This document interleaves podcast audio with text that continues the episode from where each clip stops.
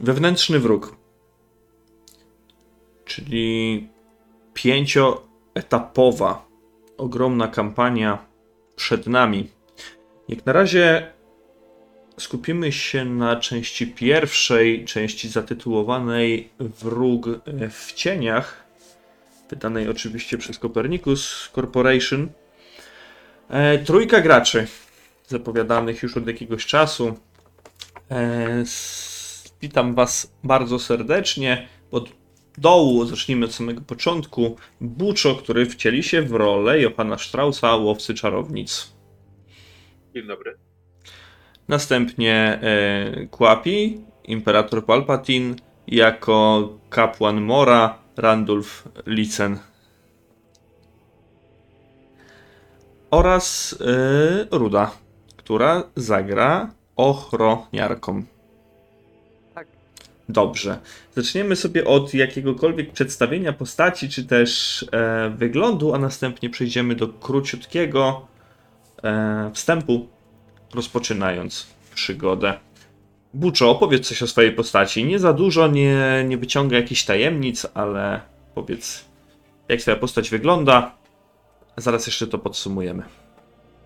Johann Strauss jest młodym, mm, 19-letnim chłopakiem. Ma jasno brązowe włosy.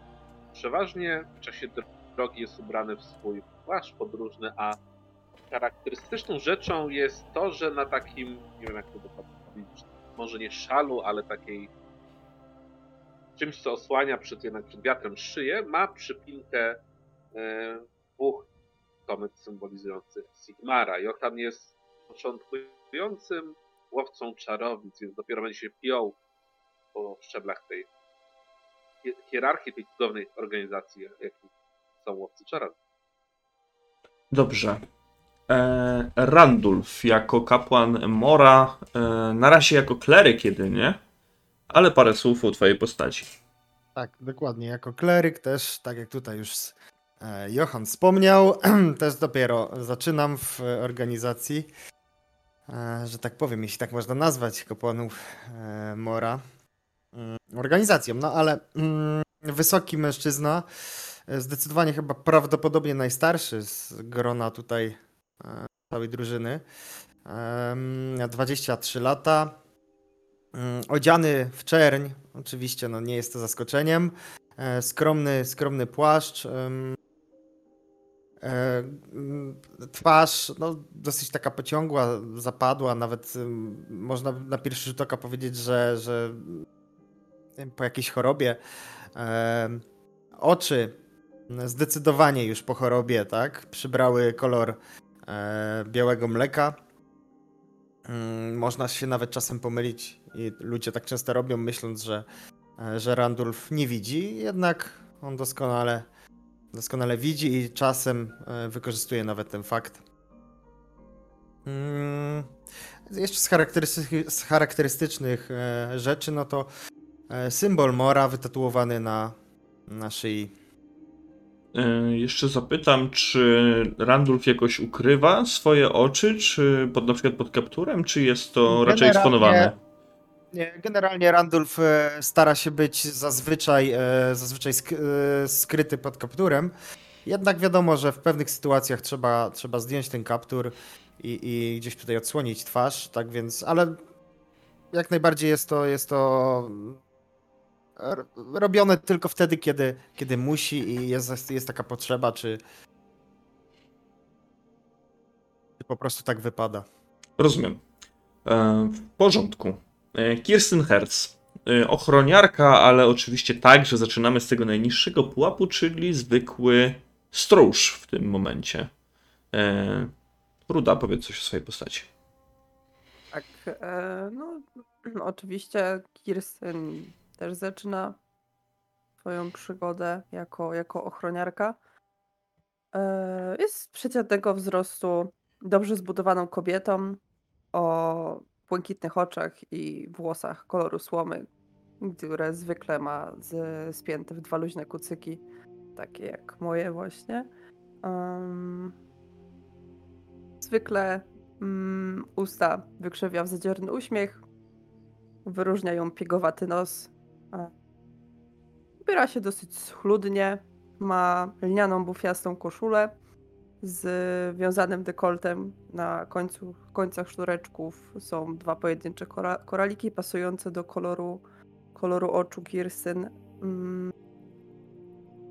Na szyi oczywiście wisi medalion z kometą o dwóch ogonach na znak swojej wiary, jak i, jak i dzieciństwa, które spędziła w, pod pieczą kapłanów Sigmara. Mm, proste wełniane spodnie, złapane w łydkach e, brązowymi owijaczami i skórzane buty wiązane grubym przemieniem, rzemieniem za, za kostkę. Tak się właśnie prezentuje Kirstyn. Dobrze. Dla każdego, kto zobaczy sesję na YouTubie, od razu w oczy rzucą się awatary postaci, które są przypięte do każdej ramki gracza. Są to postaci narysowane przez Shagan, e, przez Ole, za co bardzo dziękuję. A teraz zacznijmy już tę przygodę. Moi drodzy, 2509 rok kalendarza imperialnego. Późny Jardrung, czyli miesiąc w imperium odpowiadający naszemu lutemu. Czujecie przenikające wasze ciała zimno, mimo że jesteście ubrani odpowiednio na tę podróż. Dmuchacie w ręce, trzecie dłońmi o siebie, aby poczuć się odrobinę cieplej. Wasze czerwone uszy i nosy jednakże wciąż przypominają wam o otaczającej was aurze. Powoli zbliża się wieczór, kiedy podróżujecie w trójkę, raptem w trójkę, w stronę Altdorfu z małej miejscowości Delbren. Waszym celem jest dotrzeć do traktu Midenheim-Altdorf, aby ruszyć w stronę stolicy. Stąd prawdopodobnie dzielą was dwa dni drogi powozem. Pieszo około tydzień, więc najlepiej jest znaleźć jakiś dyliżans. Coś, co będzie przejeżdżać. Ale na pewno nie tutaj. Ponieważ trakt, którym idziecie, zdaje się niszczyć. Parę dni złej pogody, a w tym wypadku tygodnie, wręcz miesiące, przeradza trakt w bagnisko. Takie pomniejsze trakty to zwykle jedynie wyjeżdżone kolejiny. Dopiero dalej zdajecie się myśleć, że droga stanie się nieco lepsza.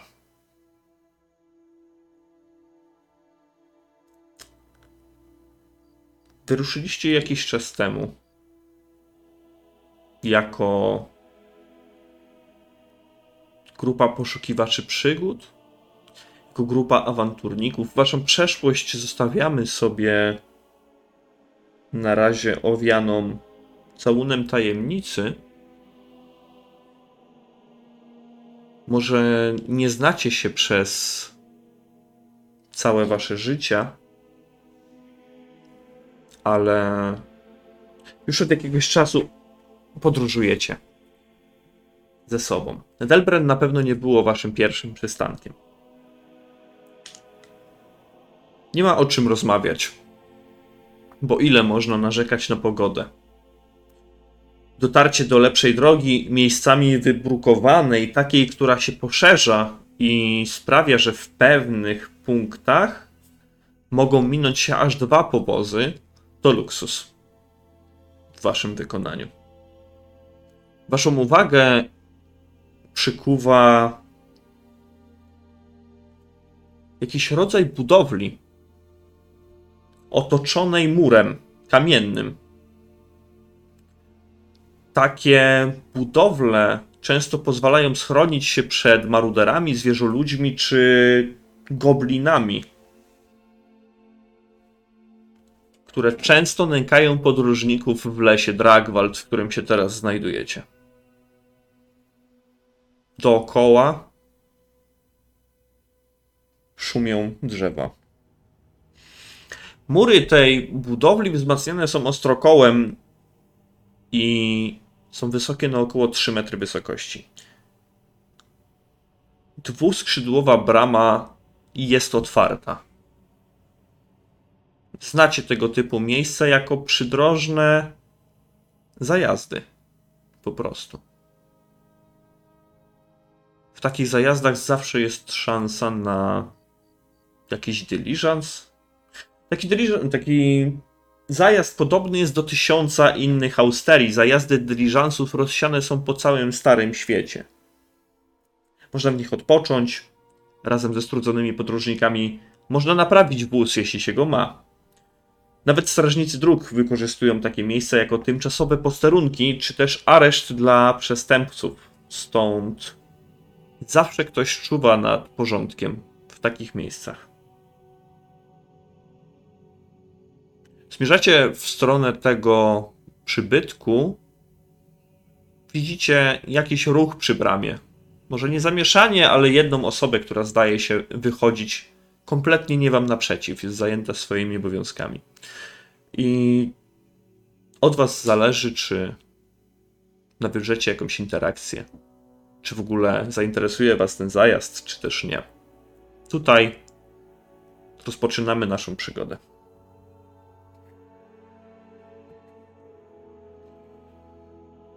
Nie wiem jak wy, ale mi zaraz wszystko tutaj odmarznie. Spędźmy, spędźmy tą noc w tym, w tym zajeździe. Na pewno to są dobrzy ludzie, którzy, którzy nas przyjmą za parę srebrnych monet. Srebrnych monet. Powiadasz. A, tak. Sprawdźmy, sprawdźmy, czy jakieś miejsca są. Czy można się ogrzać przy kominku. Nie martw, nie martw się, Randulfie. Nie będę kazał ci spać stajnia. Jeżeli ci nie będzie stać, to pomogę ci. No tak, tak, chodźmy, bo nie chcę tutaj gdzieś w rowie skończyć z odmrożonym tyłkiem. Widzicie mężczyznę, tylko wam przerwę, widzicie mężczyznę y, rozmawiając ze sobą, idziecie w tamtą stronę, on wyprowadza jakby powóz należący na wasze oko do y, jakiejś kompanii przewozowej. Chwała niech będzie Sigmarowi. Y, Chwała, chwała, y, proszę się rozejść, y, zróbcie miejsce. Też odsuwam się, ale miejsca w karczmie są? Y, Tak, tak, y, bez, bez żadnego problemu. Y, Znajdziecie co do zjedzenia, co do napicia się, a i miejsce na nocleg się znajdzie. A wy gdzie jedziecie? E, To jest, wiesz co, to jest odźwierny, który tylko przepuszcza dyliżans, A. który rusza e, w stronę Mhm. Midenheim. To jest kierunek, który was kompletnie nie interesuje. A to. E, Kiedy nawet czy schodzicie z tej drogi, czy powoli się ociągacie, woźnica i tak strzela lejcami i ten powóz rusza. Nie patrząc na to, czy stoicie na drodze, czy nie, więc e, w skrajnym wypadku trzeba będzie nawet odskoczyć wręcz nieco w tył, wpaść trochę w błoto, które i tak, którym i tak już jesteście strasznie umrusani. E, E, Woźnica tylko wychodzi na środek i macha jeszcze, przepraszam, nie woźnica, tylko dźwierny wychodzi jeszcze na środek i macha tamtemu woźnicy, ale ten woźnica w ogóle nie reaguje, tylko spina konie. No, to w takim razie. ostatni I- bus na dzisiaj. A du dużo, y, dużo ich tutaj wyjechało stąd dzisiaj? I jeszcze są jeszcze jakieś kompanie je? Y, No, dzisiaj to i ze, ze trzy były. A jakieś zostały jeszcze, czy... Czy, czy nie, już wszystkie ruszyły w drogę? Y, Zajście, y, zajście, zainteresujecie się. No, y, z tego co, co mi wiadomo, to dzisiaj już żaden nie będzie jechał. A Y, może, może podsłyszałeś, czy, czy któraś się wybiera w kierunku Altdorfu? Hmm? Yy, no, ja to nie pytam o takie rzeczy, ja tu tylko dźwiernym jestem. Na pewno Ale na coś będzie do Aldorfu jechać. Jak tam gadali ze sobą, czy co? Kirsten w głównej sali, ludzie będą gadać, to i się dowiemy o co chodzi. A my stójmy tu tak po próżnicy. i- Ja bym chciał bramę zamknąć, jakby, yy, jakbyście pozwolili. Dobra, Pozwól- dobra. Pozwól, że wejdziemy No. i zamykać możesz. Tak, Kirsten, zostaw tego prostego człowieka i i w środku nam wszystko powiedzą. No ja macham tak ręką i ruszam dziarsko do przodu. Chodzicie na brukowany dziedziniec, który tętni życiem. Od razu wasze stopy czują inny opór, czy też inne, inne oparcie w podłożu, kiedy stajecie na czymś twardym, tak jak mówię, na bruku, a nie grzęźniecie co krok w błocie.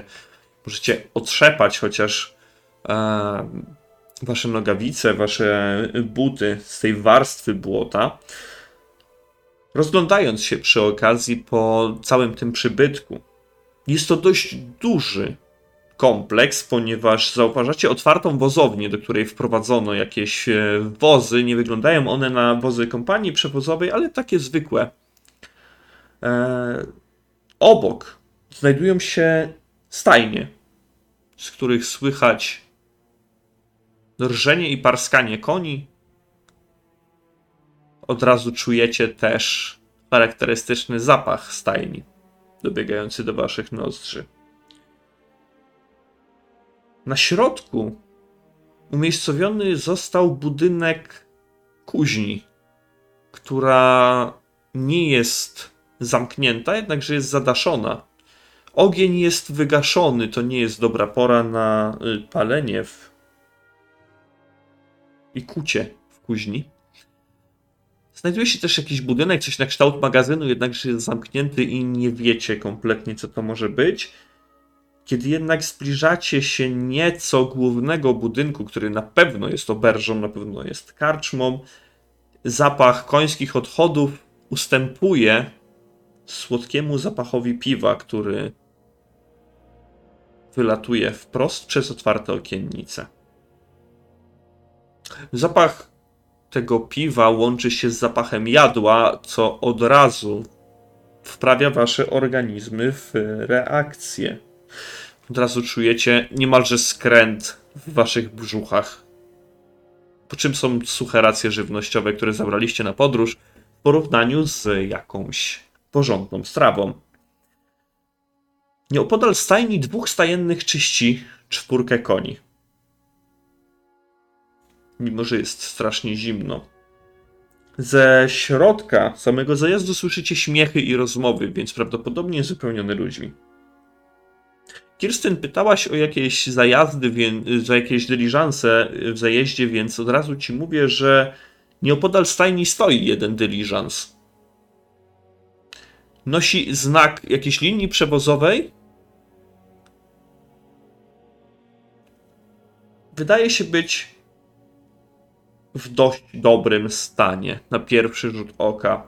Na środku, tuż obok kuźni, zauważacie także swego rodzaju tablicę z ogłoszeniami, do której przybite został, przybity został jeden pergamin.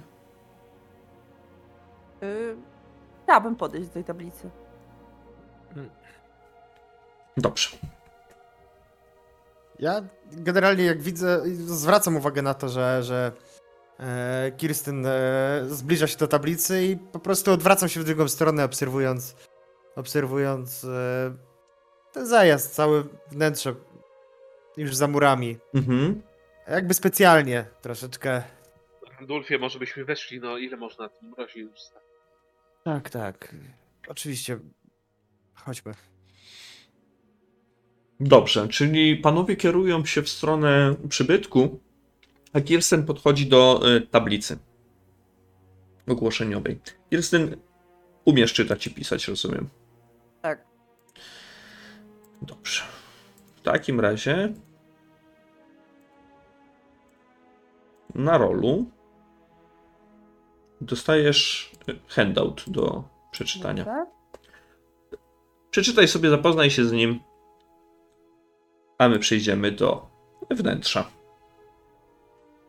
Randulfie, mówiłem ci, że już niedługo będę potrafił czytać i pisać. Już ćwiczę cały czas. Trochę koślawo mi wychodzi, ale już coraz lepiej. Bardzo mnie to cieszy. Widzisz, mam taką przypadłość, że czasem. Czasem po prostu. Moje oczy odmawiają posłuszeństwa.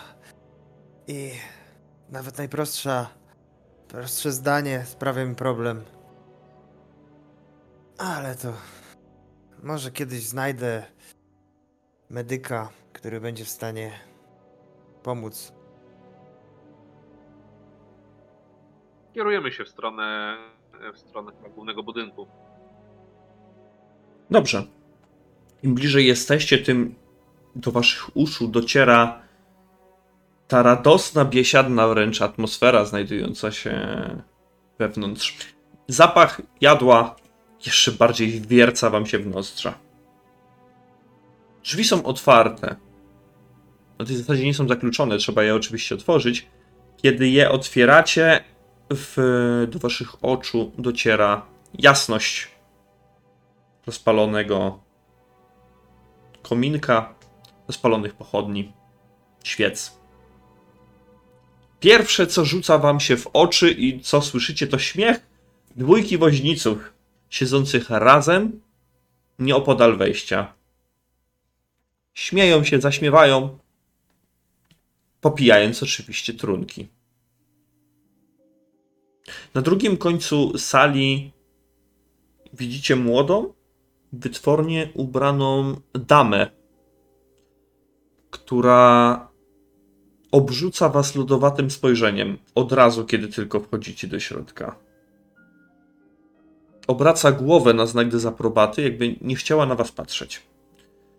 Przy innym zaś stoliku młodzieniec, który kompletnie nie zareagował na to, że wchodzicie do środka, pochłonięty jest lekturą jakiejś książki. Widzicie także mężczyznę, który opiera się o bar. Wygląda typowego paniczyka. Spogląda na was, patrzy przez sekundę, ale kompletnie was ignoruje. Kirstyn, ty po przeczytaniu tego ogłoszenia co robisz? Ty do karczmy. Także. Tak. Dobrze. Wejdziesz parę kroków po Randulfie i Johanie. Za, za barem zauważacie, że pracuje chudy mężczyzna, żylasty, trochę przypomina Randulfa. Jego przeciwieństwem jest pulchny jegomość, który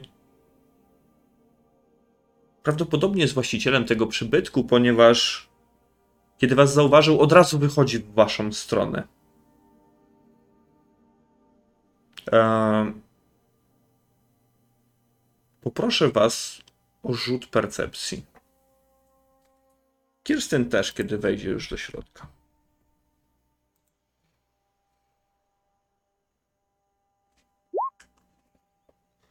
O, pef. Co ty gadasz? No, O, nie. krytyczną porażkę. Pierwszy rzut sesji. To rozumiem, Kirsten, że zostaje ten rzut, tak? Tak.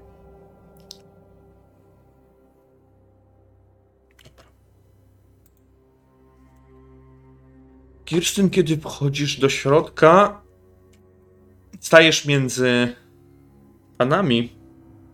Twój wzrok spotyka się z wzrokiem tej wytwornej damy siedzącej naprzeciwko. I wiesz, że gdyby mogła, to zabiłaby cię wzrokiem. Prawdopodobnie jesteś dla niej niczym. Obok tej kobiety zauważasz kogoś na twój wzór. Ochroniarkę dużo lepiej zbudowaną, dużo lepiej odzianą. Robi ci się nadzwyczajnie smutno, widząc ten widok. Kobiety wręcz prychają pod nosem, widząc ciebie. A Johan. Twoją uwagę przykuwa to, że na belce u sufitu, tuż przy samym stropie, siedzi czarny kruk. Zobacz, Randulfie. Chyba jeden z twoich przyjaciół i wskazuje na, na ten strop. Ja bardzo szybko, praktycznie w mieniu oka od razu podnoszę głowę do góry i spoglądam na, na, na ptaka. Wydaje ci się, że ten ptak spojrzał też na ciebie. Błysk w oku, jednym oku tego kruka jest zauważalny. Nie ma jednak czasu na jakieś przemyślenia i rozmowy, ponieważ ten pulchny mężczyzna wytoczył się z zakontuaru i rusza w waszą stronę. Szanowni goście, witajcie w zajeździe, powóz i konie. Proszę, usiądźcie, rozgośćcie się. Tu przy ogniu, tu przy ogniu. Będzie wam e, ciepło e, i wygodnie. I on tak jakby przepycha was od razu przy, przy kominku was sadza w najlepszych miejscach, jakie tylko da się e, zaoferować gościom. Dziwicie się, że one w ogóle były puste. Napiera wręcz na was, tak żebyście usiedli i kiedy już siadacie, e, może macie ochotę na coś do jedzenia? Hm? E, coś e, do picia? Tak, oczywiście. Gdzie ja głowę posia- posiałem? Najpierw napitki, oczywiście. Jak to, e, to palenisko, jak daleko jest od tych kobiet? Kawałek, to zdecydowany. To jest i tak nadal drugi. Yy, drugi. Jak to się nazywa? Druga strona sali. Jesteśmy od siebie wystarczająco. Tak, całkowicie. One są tak jakby jeszcze oddzielone, one się nie bratają z pospólstwem. To od razu zauważyłaś. E, Ja siadam do nich plecami i tak z taką niemrawą Dobry. dosyć miną. Dobry karczmarzu, e, trzy napitki i na początek chyba trzy talerze gorącej zupy, co by rozgrzeć te zziemnięte kości. Ja bym wodę prosił. Dla mnie woda. Zwykła woda. Mężczyzna skinął tylko głową i nic nie mówi, jednakże wy słyszycie głos. Witajcie przy ogniu. Wygodnie głowę podziałem. Macie ochotę na coś i konie? Rozglądam się skąd ten głos. No tak samo. Ten głos dobiega z góry. Widzicie kruka, który podskakuje wesoło na swojej belce. E, e, przepraszam, to, e, to mój kruk, e, czarnulek. On takie rzeczy lubi. Czasem mówić e, niesforne. On tutaj, on gada? Tak, a coś, to coś nie tak? Nie. Nie, ale mam nadzieję, że tutaj bogowie chaosu nie mają z tym nic wspólnego. N- Nie, nie, nie, żaden, żaden chaos. Na Sigmara i Ulryka żaden chaos. Już, już po, już po napitki będę. Mężczyzna nieco się spocił, mówiąc to, i od razu rusza e, za kontuar.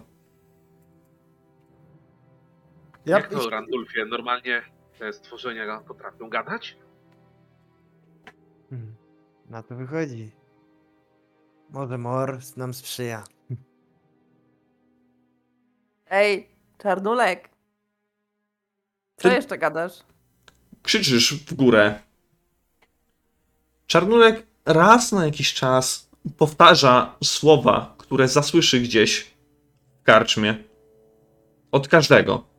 I przekręca je w każdy możliwy sposób. Jest to coś na zasadzie powtarzania niczym papuga. Więc kiedy ty do niego zagadujesz, on po jakiejś chwili tylko odpowiada: Czarnulek, gadasz? Konie, powóz? Przy ogniu, przy ogniu. Bliski ogonek. Ogonek. Ja rzucam losowe słowa po prostu do, do ptaka co jakiś czas. Miski piwa, trzy. Zupy zjedzcie. Zabawa trwa w najlepsze, kiedy karczmarz przynosi wam to, co zamówiliście. Czyli piwo, wodę dla kapłana, I trzy miski zupy na sam początek, okraszone jakimś porządnym kawałkiem chleba, wręcz bochnem, bo to dla całej waszej trójki. Dopiero teraz czujecie, czujecie, że jest wam cieplej. Zaczynacie odmarzać. Wasze zgrabiałe palce mogą się rozruszać. Ja wyciągam nawet swoje stopy w kierunku e, ognia, żeby było bliżej. Wyciągam je prostując, prostując całe nogi. Popijam to piwo i zajadam tą sklepem. A ja w pierwszej kolejności. że- no, Ja w pierwszej kolejności łapię za ten bochenek chleba i chciałbym oderwać taki kawałek. I tak po prostu spoglądam. Znaczy nie z uśmiechem, ale z tak mm, po prostu czule bardziej na, na tego kruka. I chciałbym tak jakby sprawdzić, czy on zareaguje na, na jakiś e, gest taki właśnie związany, że, że ktoś próbuje go e, dokarmić. Randulfie, czy ty masz opiekę nad zwierzętami? Masz. Poproszę od ciebie rzut na opiekę nad zwierzętami na plus 40. jako kapłan Mora to nad zdechłymi zwierzętami. Opieka nad zwierzętami. Sekundka, bo ja tego Zaawansowane, na samym dole w umiejętnościach. zaawansowany No to jest zaawansowane w czwartej edycji. Tak, w czwartej edycji opieka nad zwierzętami jest zaawansowana. Z e, tego, że jesteśmy ludźmi. Ja to chcę przerzucić. Zdecydowanie. Dobrze.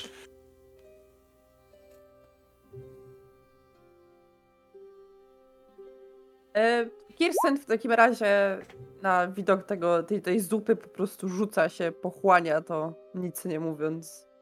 Kirsten, powiem ci, że nie wiem, czy to ja byłem taki głodny, czy to jest takie dobre, ale no, w końcu coś ciepłego do gęby można było włożyć. No ja myślę, że oba. Ja myślę, że oba, Johanie. Zajadacie, ignorując to, co się dzieje dookoła, kiedy czarnulek zeskakuje ze swojej belki i zataczając kółka ląduje przy Randulfie. Staje naprzeciwko ciebie na blacie i tylko przekrzywia swój łepek. Raz na jedną, raz na drugą stronę, patrząc na ten kawałek chleba, który wystawiasz w jego stronę. No to ja ściągam lewą, w prawej dłoni trzymam, daję chleb, a w lewej po prostu ściągam kaptur i spoglądam też na niego, częstując go tym, tym kawałkiem e, oderwanego mm, pieczywa. Kruk po prostu zaczyna dziobać pieczywo. E, Ja nie jem jeszcze, przyglądam mu się po prostu jak... Mhm. Randulfie, jedz, bo ci wystygnie. A, Randulfie, wystygnie! I on dziobie. Słodki czarnulek. I po, tak po chwili, jak, jak już napatrzyłem się, to, to rzeczywiście zaczynam jeść. Jedz, słodki Randulfie. On dziobie nieco, po czym wzbija się znowu i zasiada na swoją belkę, która jest usłana odchodami. Jest wręcz biała. Widać, że to jego ulubione miejsce. Ja tylko sprawdzam, czy do zupy nic nie wpadło. Jak on nad nami siedzi. Nic nie wyczuwasz.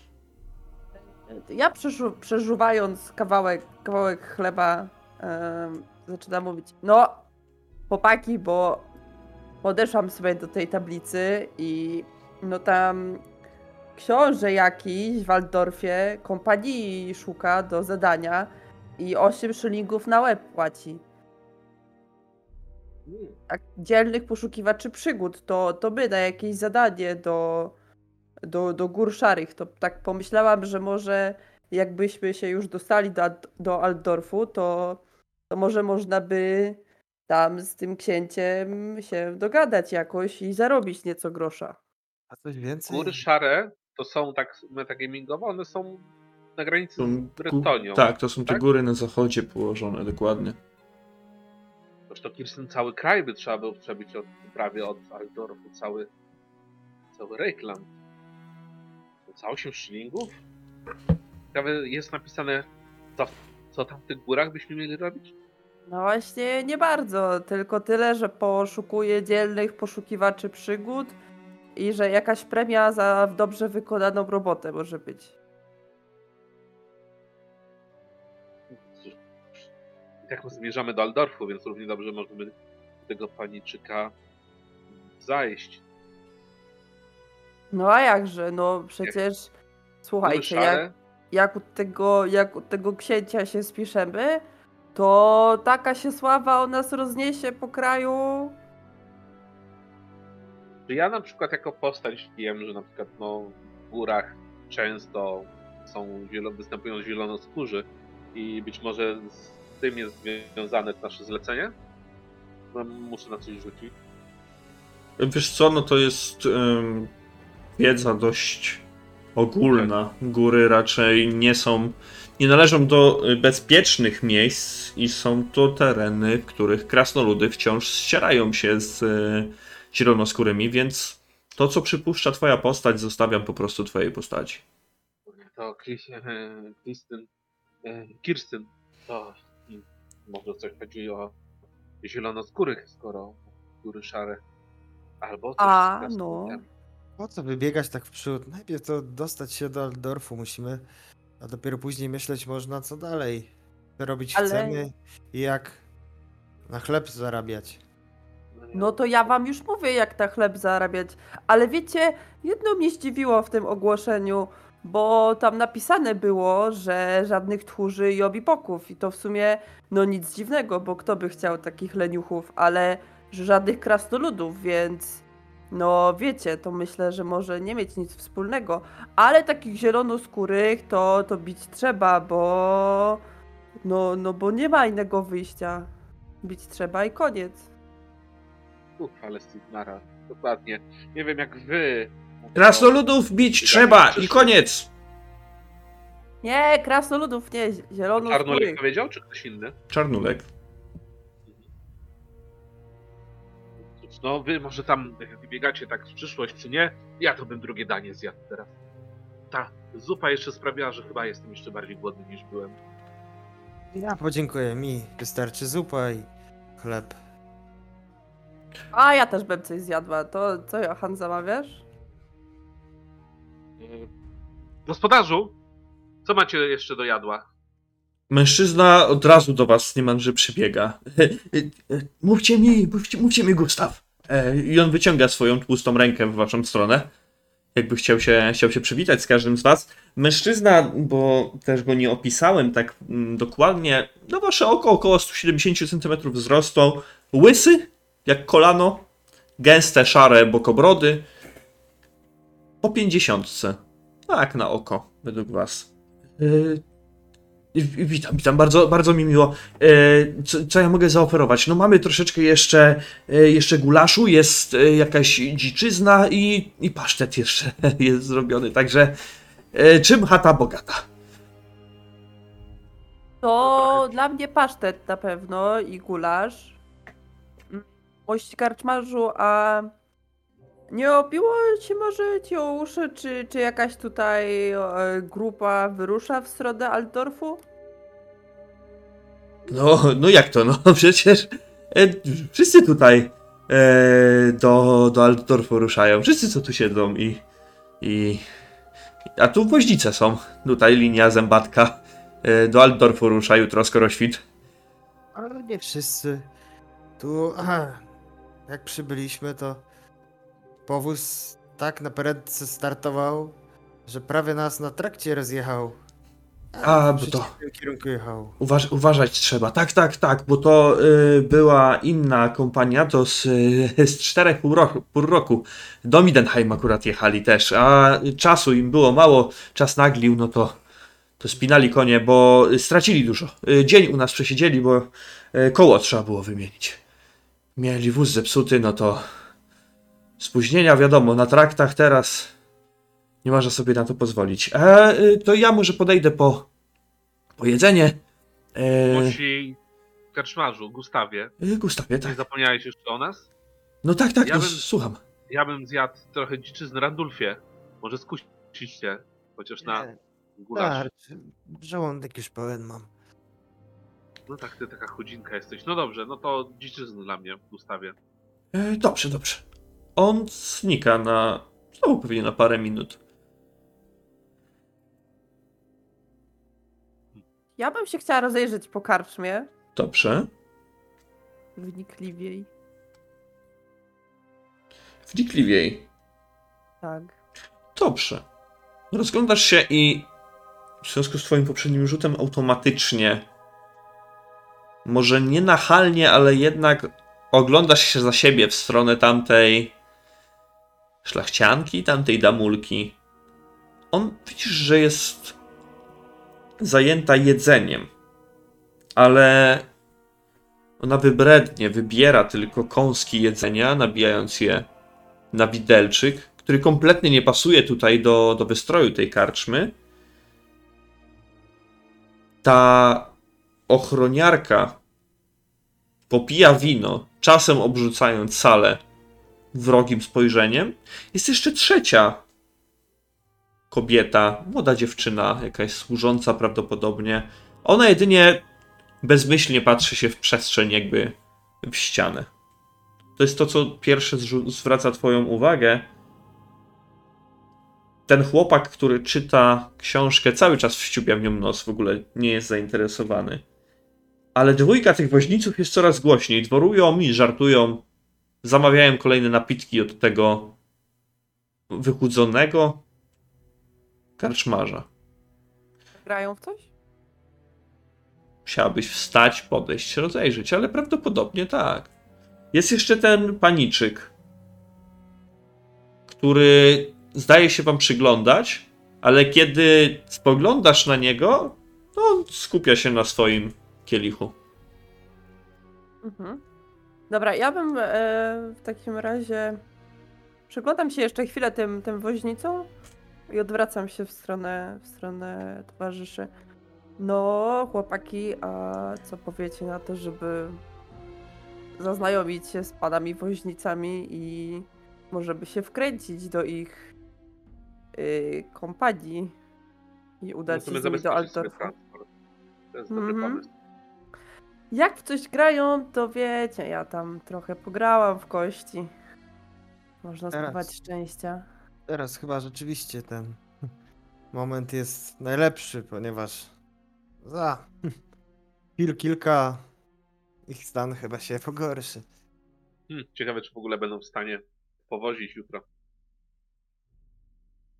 No O, dobra, chodźmy. myślę, że będą.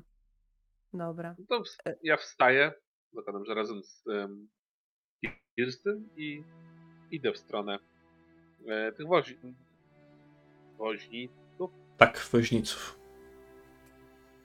Ja się przesiadam tak, żeby widzieć salę, tak? Czyli, czyli po prostu widzieć salę i moich towarzyszy, którzy poszli. Uważam, że zbędne, żebym e, udawał się z nimi. Po prostu obserwuję sobie wszystko. To- Znów ponownie naciągając kaptur na, na głowę. Kiedy wy wstajecie i podchodzicie do tych woźniców, obaj są średniego wzrostu. Około 40. Standardowa para, jeden chudy, drugi nieco tęższy. Dyskutują tylko ze sobą. Na kogo, nikogo innego nie patrzą. Nie są zainteresowani wami prawdopodobnie dlatego, że was w ogóle nie widzą. Musielibyście jakoś zaakcentować swoją obecność. Ja odwracam, jak oni siedzą przy stole. Ja chcę przyjść do, do nich, e, odwrócić krzesło tak, żeby usiąść po prostu na niego, żeby mieć oparcie z przodu, oprzeć ram, e, ramiona właśnie o oparcie. Witajcie, tu, mości panowie. Czy to wasz e, powóz stoi przed zajazdem? Mężczyźni patrzą się na siebie tylko. Na siebie, na ciebie. Słyszałeś? Hulc? Nasz, nasz powóz. A to dobre żarty. To Gunnar, nasz powóz. Oczy, oczywiście, że nasz powóz. Dobry panie. Czym, moż, w czym możemy pomóc? W czym może pomóc kompania przewozowa zębatka takiemu paniczowi? Czekamy przejazdu do Aldorfu. No, tak sobie pomyślałem, że zanim porozmawiamy, to przydałoby się czegoś napić, prawda? Jak to mówią, kto nie pije, ten kapuje. Masz rację, masz kufel swój, to pij z niego. Mężczyzna tak spogląda na swój kufel. No, moim to już niewiele zostało, muszę przyznać. A o interesach tak przy pustym kuflu to ciężko się rozmawia. A ja w takim razie bez słów e, strykam palcami na karczmarza i pokazuję, że tutaj. Karczmarz Cztery dopiero piwa. co podchodzi do waszego Aha. praktycznie opuszczonego stolika i serwuje Randulfowi wszystkie te potrawy, które zamówiliście. E, Randulfie, Czarnulek, widząc te potrawy, zlatuje ze swojej belki i usadawia się pomiędzy tymi talerzami i misami. Okręca głowę znowu, jakby pytał i prosił o pozwolenie. Uśmiecham się spod kaptura do niego i dalej spoglądam na salę. Spoglądasz na salę, kiedy kruk zaczyna ciobać, czy to pasztet, czy to dziczyznę, tak jakby smakował wszystkiego po kolei. E, Gustaw, zaaferowany tym, że Kirstyn na niego napstrykała, podchodzi. E, tak, e, w czym mogę pomóc? Mówi, ocierając Piwa dłonie. Tutaj, piwa tutaj poprosimy dla, dla, dla nas i dla tutaj woźniców. E, Ja dosiadam się do nich. Tak, oczywiście. Ten nazywany Gudarem rozkłada ręce. No i taka postawa mi się podoba. Proszę panienko, proszę siadamy. To jest bardzo dobre miejsce. Eee, przesuń się paniczyku trochę, bo tu miejsce trzeba zrobić. Wskazuję na ciebie, Johanie. Eee, dobra, no to jak już teraz mamy piwo, akurat Gustaw podchodzi i je pokazuje, no podaje, no to możemy porozmawiać o interesach. Eee, co panienkę y, sprowadza tutaj do nas. Ja tutaj i moi kompanii e, do Altdorfu wyruszamy i szukamy transportu, ale też robotom nie pogardzimy. Nie potrzeba wam jakichś ochroniarzy do, do kompanii? Ochroniarzy nie, przecież te drogi to bezpieczne są. Jakbyśmy po samym Waldorfie jechali. Coście, jakiś zwierzę ludzi widzieli na trakcie, czy co? Ale ten, wiecie jak to jest. Przezorny, zawsze ubezpieczony. Ale Przecież wy jedziecie do. Kirstyn, Widzieliśmy przecież. Nie pamiętasz? Jak w nocy w podczas błyskawicy nam się objawił. Wielki, z głową, z głową byka. Wysoki, na, są stopy, jaka jest, czy centymetry, metry w em, Imperium? Już powiem, Śmiało, mów ile chcesz. na- Dajemy na centymetry, nie ma problemu. on wysoki na 2,5 metra. Tak, Te tak. drogi, no, dobry człowieku, nie są bezpieczne. Możesz nam wierzyć. Rzuć sobie na charyzmę, Johanie. Na plus 20. Mhm. Dobrze. Ale wiecie panowie. Poczekaj. myśmy- Niech rzuci. Dobra. Mhm. W porządku. Nie, no, w sumie dobrze gada, nie? No. No, także przydałaby się wam ochrona. A tak się składa, że ja tutaj i mój tutaj dobry przyjaciel Johan razem z nasz, naszym drugim przyjacielem jesteśmy w stanie obronić waszą kompanię. Nie no, e, tak, jasne, w porządku, to, e, to nie, ma, nie ma żadnego problemu. Myślę, że cztery szylingi za łba i się dogadamy jakoś. Bo... E, W sensie to oni, oni nam płacą, czy... Nie, wy im. Chyba, żeśmy się nie zrozumieli. Eee, myślę, że zrobimy to tak. My się z wami zabierzemy, zaoferujemy wam w zamian za, za, za podwózkę naszą ochronę i wszyscy będą zadowoleni. Co wy na to, panowie?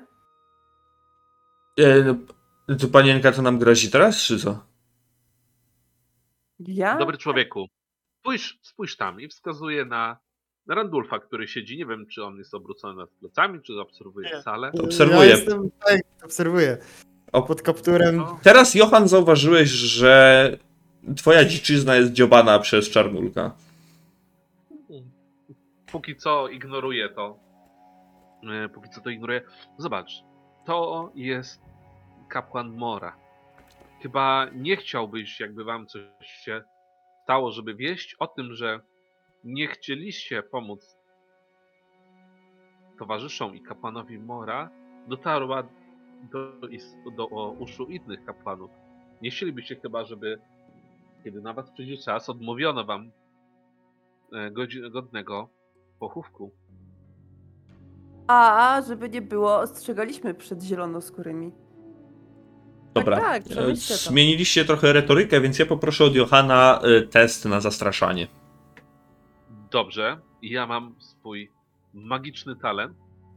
Tutaj pokażę ci go, proszę. I teraz e, rzucam na zastraszanie. Rozumiem, że na bazowe. E, tak, pas. Czyli będziesz miał plus jeden jakby punkt sukcesu. Mhm. Czyli minus zero. Minus zero masz. Nie, lekka porażka. Woźnice obracają się w stronę Randulfa i Randulf, jeśli patrzysz na nich, to mimo, że oni są już nieco podpici, to wykonują jeden z y, gestów y, Mora, czyli przesłaniają sobie twarze dłońmi. Jest to jedno z y, moryckich pozdrowień. Skiwają głową w twoją stronę i odwracają się w waszą stronę.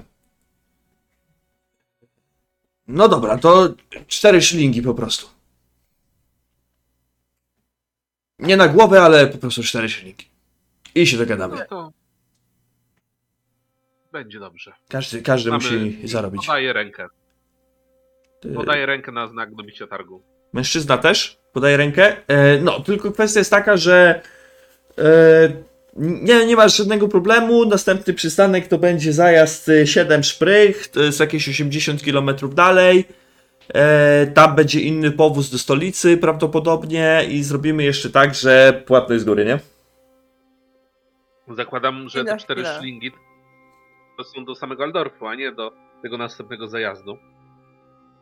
E, do zajazdu, no 80 km to i tak e, cena jest promocyjna. No, zawsze możecie iść na pieszo, to tylko jakiś tydzień drogi. Patrzę na z tym, co chcę zrobić. Mm, powiedz mi tak meta, ten kolejny zajazd, to ile to jest od Oldorfu, ile by nam zostało? No prawdopodobnie jeszcze kolejny dzień drogi na twoje. Ale Y, powozem. Pieszo? Powozem, powozem. A pieszo? Kolejne parę dni prawdopodobnie. No wy teraz wyliczacie to na ponad tydzień grubo na pieszo. Mhm. No panowie, panowie, no nie wiem, bo niby bliżej, ale też nie taka była umowa. A co to za kompania? Jacyś wasi znajomkowie? A co, co to, co to ma do rzeczy, czy nasi znajomkowie, czy nie? Jak nasi znajomkowie, to byśmy opłacili i powiedzieli od razu, że do Aldorfu i tyle. No ja nie wiem, jakie będą kompanie przewozowe teraz w siedmiu szprychach stacjonowały. Dobra, albo się decydujecie, albo nie przeszkadzajcie woźnicom tutaj w spędzaniu wieczoru. No dobrze, to możemy się umówić na wyruszenie jutro o świcie i, i wtedy zapłacimy wam połowę, a połowę jak dotrzemy na miejsce. I ja się z tym zgadzam. Dobra, to teraz połowa, a połowa y, na miejscu. Nie, nie. Połowa będzie rano jak wyruszymy. Słyszysz, Gunnar? No to tak, tak nie może być. My i tak mamy miejsca w, po- w powozie zapełnione, także e, dziękujemy bardzo za propozycję. E, nie skorzystamy.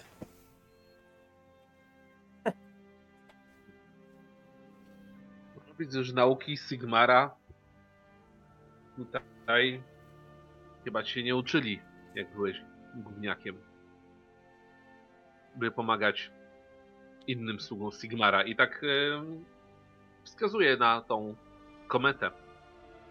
Te dwie komety raczej, na tą szpinkę. Daj spokój, No Johan. wiesz- Oni chyba, oni chyba tutaj nie boją się Jestem- Mora i jego, jego po prostu gniewu, że Nie tutaj przy- ka- jego kapłanów w potrzebie zostawiają.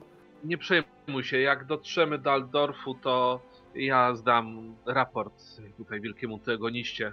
Mm, No trudno, on zrozumie tą, y, tą, tą, tą zwłokę. Nie ma problemu.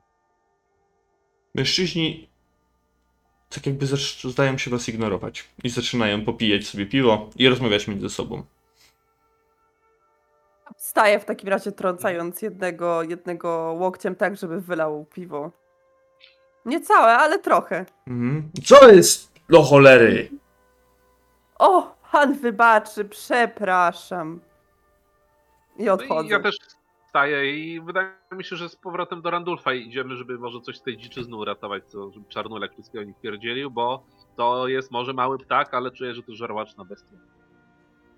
Randulfie, ty po reakcji tamtego woźnicy, który niemalże krzyknął, potrącony przez Kirstyn, widzisz, że twoi dyplomaci prawdopodobnie nie osiągnęli sukcesu w tej wyprawie. Czarnulek-?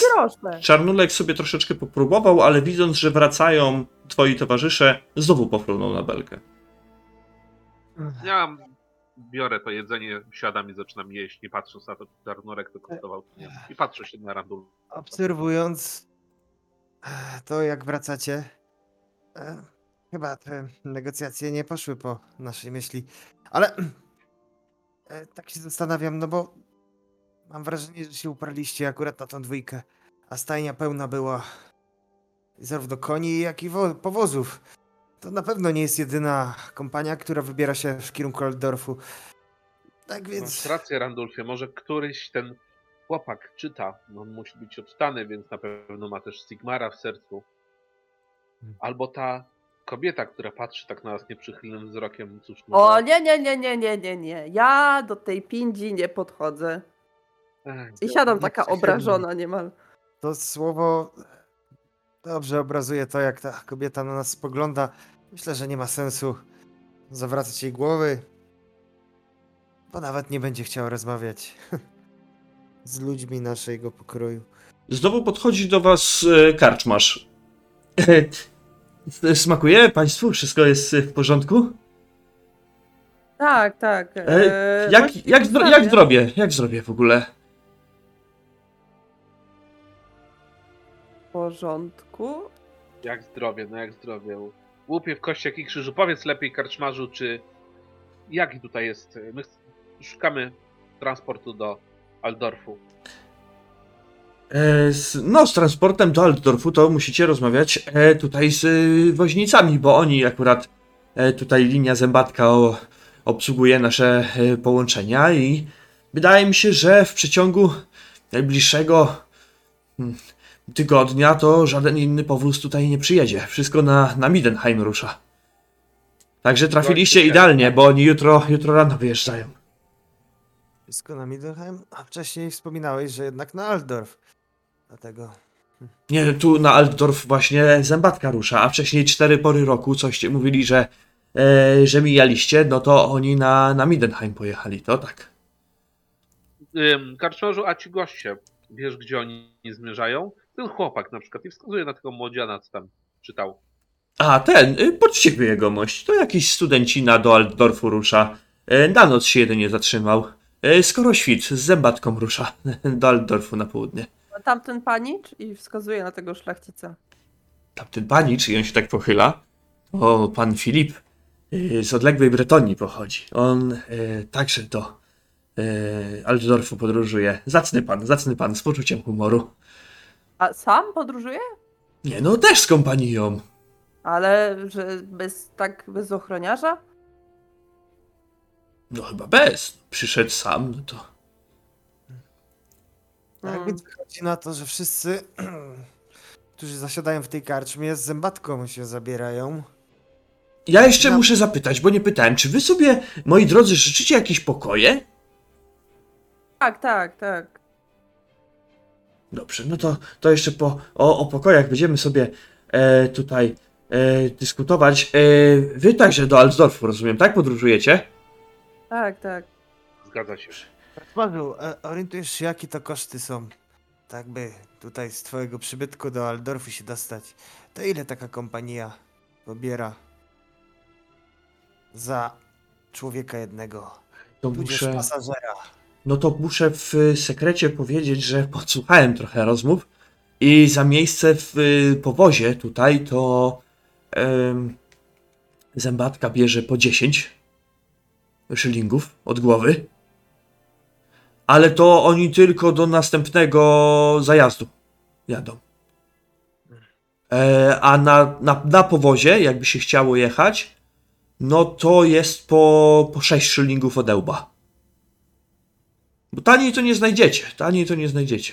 Jakby kto wam tańszy zaproponował, to głupim by było się nie zgodzić przecież. Poczekajcie tutaj. Ja w tym momencie wstaję, Mhm. podchodzę do nich, kładę trzy szylingi, Mhm. trzy szlingi teraz, dwa jak dotrzemy do zajazdu. Ci mężczyźni spoglądają się na ciebie. No i tak trzeba było na to rozmawiać, drogi paniczyku. Jeden z nich się podnosi, przytula cię po prostu, dostajesz dwa buziaki w e, policzki, tak uderza cię jeszcze tutaj w ramiona, no i e, no widzimy się jutro rano w takim razie. Słyszałeś, Gunnar? Następnych mamy chętnych na podróż do Altdorfu. Mhm. Ja odpisałem sobie te trzy szlingi. Dobrze. Yy, Wracam z powrotem do stolika. Yy, Dziękuję, yy, karczmarzu. Już mamy opłacony, opłaconą podróż. E, A jak, jak sytuacja na drogach, powiedzcie mi? Ciężko, zwierzoludzie grasują, pełno ich widzieliśmy po drodze. No tak właśnie myślałem, czy aby, czy aby nie za dużo tych zwierzoludzi na trakcie nie przybyło. A skąd was niesie? Skąd podróżujecie? Ani? Delbern. Z Delbren! To niedaleko! O to, Aldo, A, no, ale- Mości karczmarze, to my i, zda, i, i, z, i spoza Delbern podróżujemy, tylko Delbern to był nasz ostatni przystanek. Ale to nie jest Idziemy- ważne skąd, ważne gdzie podróżujemy. Idziemy tam, gdzie Sigmar oświetli nam drogę. A Oj, tak. w Waldorfie? Jakieś wieści w Altdorfie? O to pytasz. Tak. Dobrze, Randulfie. Czekaj. Rzucaj na plotkowanie na plus 20. Plotkowanie. E, A Boże święty. Jest, jest, mam to. Masz to.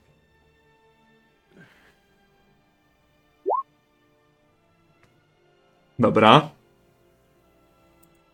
Ym. Poproszę ciebie, Randulfie, żebyś wybrał dwa numery od 1 do 15. 1 i 15. Dobrze.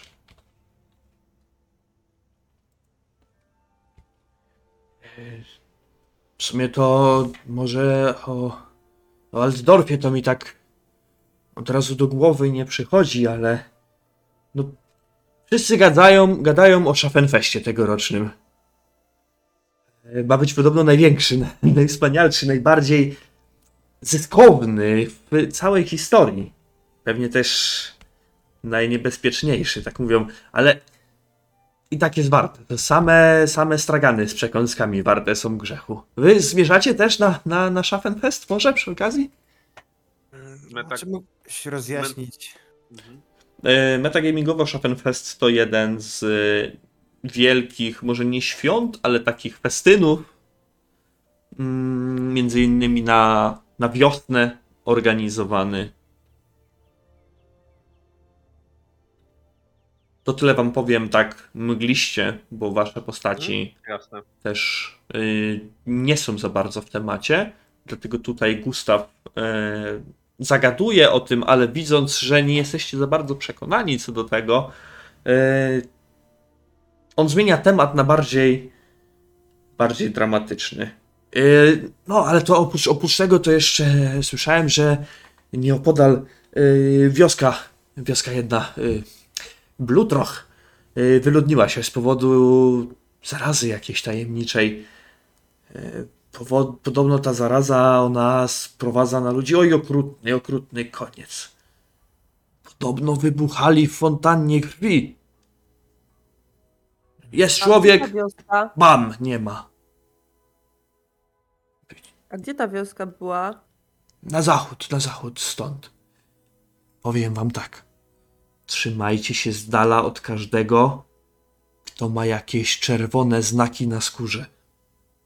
Tak, bo to, to ta, ta, ta, taka była ta choroba, Tak. ale tu jakieś bąble były, czy tylko... to kropki na skórze wystarczą. Aha. Ciekawe. Ja patrzę w tym momencie na piegi Kirsten. Także no, to uważajcie. Moi drodzy. A Gustawie, słyszałeś coś może od podróżnych, co na szlaku się dzieje w stronę Altdorfu?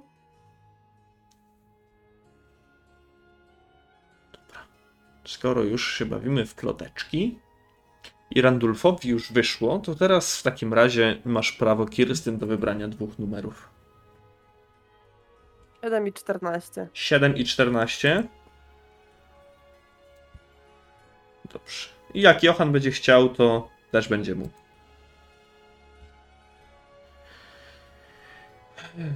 No to co? To co tak sobie myślę jeszcze. Co by się mogło dziać? A, no na trakcie ostatnio jakaś taka plotka głosi, że pułkownik Sievers z imperialnych Ostlandczyków powrócił z księstw granicznych. Zielonoskórzy mieli zostać pokonani. Tam daleko na południu.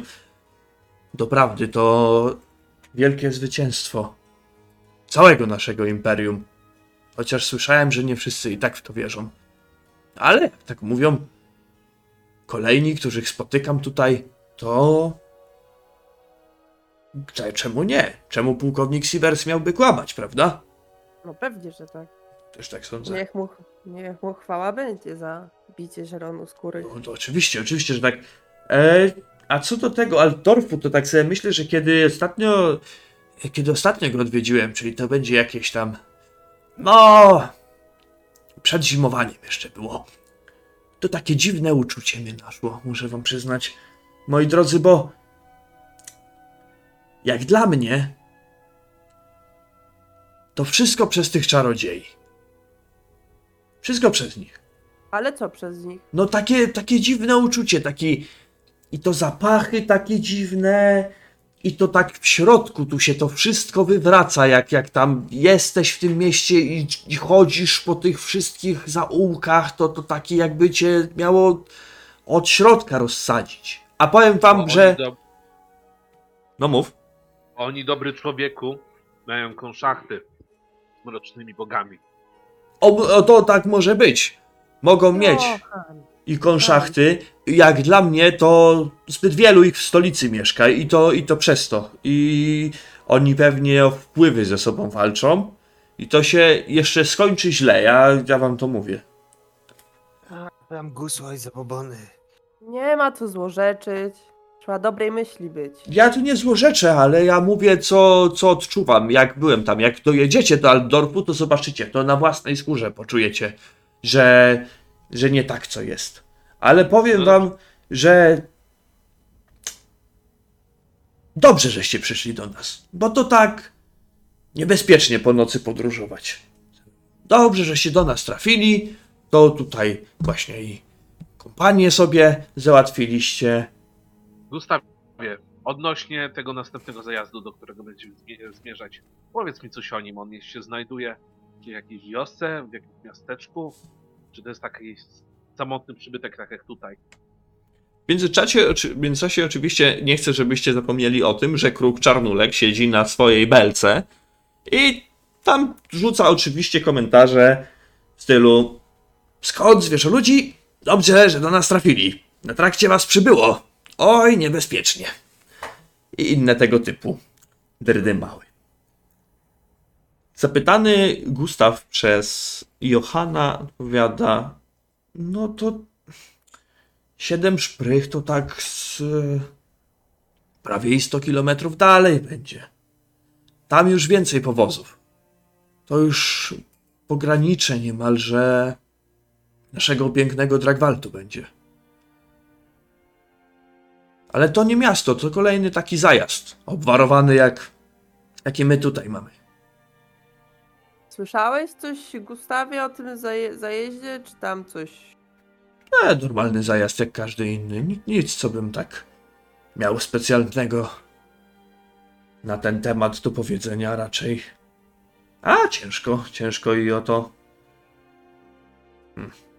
A, właśnie, bo bym zapomniał, poczekajcie. Lepiej nie ryzykować, różne dziwy się na traktach widuje. Dziwne. On odchodzi od was na chwilę i podchodzi do drzwi głównych. Zamykając je, zakluczając po prostu. Kruk w tym czasie tworuje mu. Lepiej dziwy na traktach, lepiej dziwy na traktach, powtarza sobie. Gustaw wraca do was, bo jesteście jego ulubionymi prawdopodobnie rozmówcami, których jeszcze nie zmęczył swoją obecnością. A mości Gustawie, e, moglibyśmy prosić o jakieś jadło na drogę zapakować, suche racje. A, tak, tak. E, oczywiście, bez, bez problemu. Rano, rano czegoś zapakujemy. Tak sobie myślę, że pogoda ostatnio nie najlepsza, co? Wyczekujemy wszyscy czasu orki, co by zazieleniło się na drzewach wszystko i dookoła, bo smutno, tak smutno dookoła, jak taka No, plucha. a no smutno. I Już po prostu ten, ten mróz taki przenikliwy, to, to, to, to się nie, nic nie chce. Oj, nie chce się. Taka zawierucha. Zawierucha zamieć. Czarnulek turuje. Orki na drzewach. Najlepsza plucha, smutno, oj, smutno pogoda. Ja się śmieję pod nosem. Oj, chyba się z nim nie nudzisz, Gustawie, co? Nie, nie, to, to mój przyjaciel najlepszy. Ja mam takie Zas- pytanie też na poziomie meta. Czy my znamy język brytoński jako ludzie Imperium? Masz go w swoich umiejętnościach prawdopodobnie wpisanego, więc. mm, Właśnie, właśnie nie mam, dlatego się e, pytam, bo wydawało mi się właśnie, że, że znamy. Tak, po, powinieneś jako tako mieć wpisany. Widocznie po prostu nie przepisałem tobie. Tak, tak, wpisz sobie język bretoński i język e, jałowej krainy. Tak samo opiekę nad zwierzętami sobie wpisz. Wszystkie z inteligencji wynikają. Dobra. Mm, No to jak już tutaj się skończy jakby rozmowa z Gustawem, to też chciałbym się udać do tego tego Brytyjczyka, którego on wskazał. Mhm, dobrze.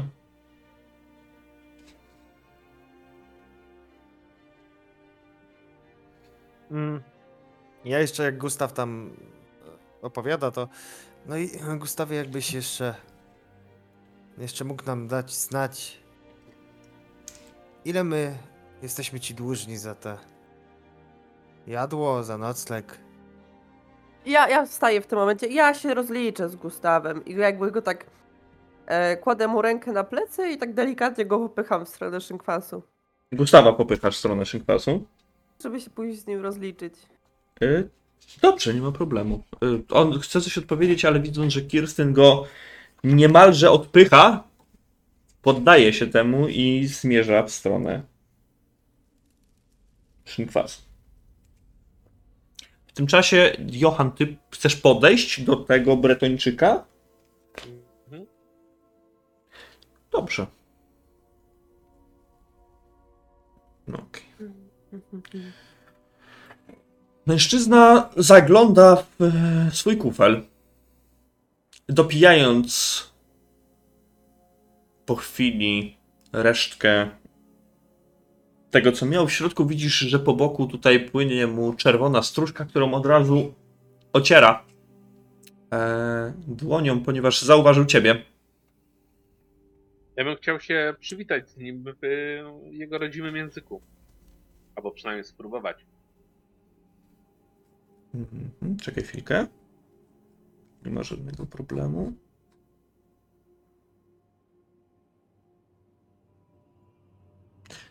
Tak, jeszcze zapomniałem znowu powiedzieć. Mężczyzna jest naprawdę wysoki. E, Kirsten, tobie powiem, jest to przystojny jegomość.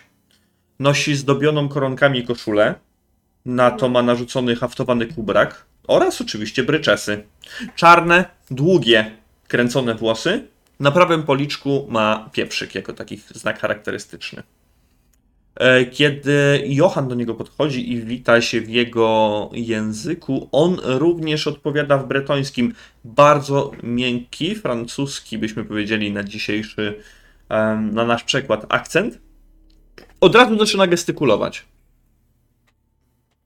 Oj, jakże mi miło pana powitać. E, co tutaj sprowadza y, Bretończyka?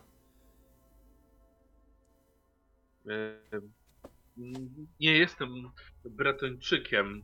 O, Jedynie, jedynie tutaj mieszkańcem, e, ale z tego co wiem, to mm, powiedz, bo ty zmierzasz do Aldorfu. Co cię sprowadza z e, pięknej Bretonii? ja zmierzam do Altdorfu? A kto tak powiedział? Plotki chodzą. Oj, to niedobrze. Czarnulek i, i pokazuje na kruka. Ten kruk. Oui, Tak. ten kruk. E... Oui, oui. No dobrze, no. E... Podróżuję do Altdorfu, być może, to prawda. E, Podróżuję po całym imperium. Jakby ktoś jeszcze się pytał, czy e, Czarnulek miałby komuś coś do powiedzenia? E? My też zmierzamy do Aldorfu i chyba będziemy razem podróżować, więc, więc może się poznamy. Johan jestem. E, miło mi, panie Johanie. E, nazywam się Filip Descartes. On się prostuje, wyciąga rękę w twoją stronę. E, w przyszłości sierżant w armii lokalnego Duke'a Parawonu. Aktualnie podróżnik. Zechce pan e, usiąść tutaj? Bardzo chętnie, tak. I dosiadam się do niego. Y, Co pana, co ciebie, Johanie, y, sprowadza? Tak. Oprócz tego znajomienia, może byśmy tak zagrali partyjkę purpurowej cesarzowej? Cóż, kilka brązowych pensów mogę postawić. A mnie? Cóż, mnie sprowadza mm, zarobek oraz chęć wyplewienia z całych ziem Imperium wrogów Sigmara. Oj. To poważna rzecz. Poważna rzecz.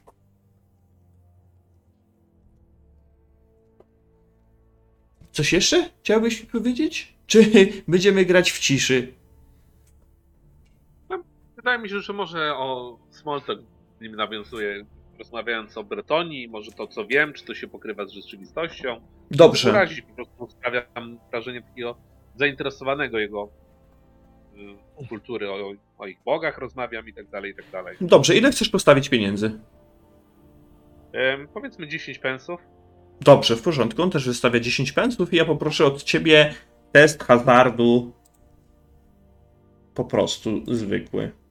To jest przeciwstawny test. Y, zaraz, Ja- zaraz przejdziemy, tylko sobie rzucimy i zaraz będziemy yy, sprawdzać, co robi reszta. Nice. Cóż, e, ja to wezmę, skorzystam z jednego punktu e, szczęścia i to przerzucę, żeby przynajmniej, żeby nie mieć krytycznej porażki. Dobrze. No nie, to nie masz, no. On cię Okej. tam po prostu ogra.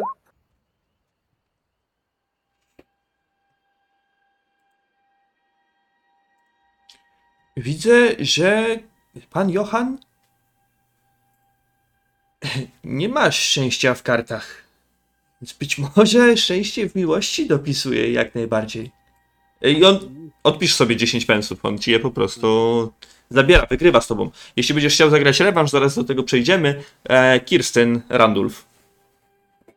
Słucham ja, was. ja generalnie tylko dodam, że w momencie, kiedy moi towarzysze odchodzą, tak? Kirsten tutaj z, z karczmarzem ma a, Johan e, do, do Bretończyka, to ja w tym momencie od razu wyciągam pergamin, e, Mhm. zestaw do pisania i zaczynam sobie literować, wiesz? Literki.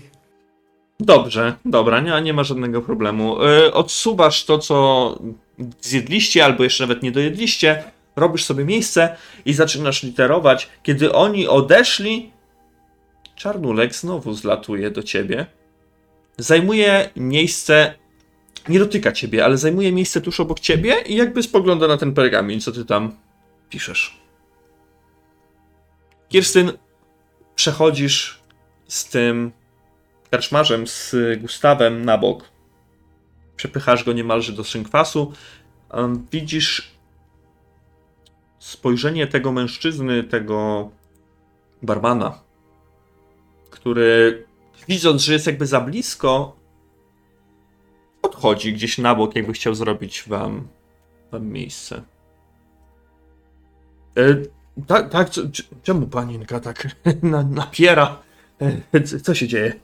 A, y, przepraszam, przepraszam. Ja po prostu y, tutaj chciałam y, za, za siebie i za towarzyszów za, zapłacić. Jak najszybciej uregulować y, nasz rachunek. To ile tam będzie za, za jadło, nocleg i, i napitek? E, za jadło to będzie, tak myślę, że... z 10 pensów byśmy zapłacili, będzie, będzie w porządku, prawda? Mhm.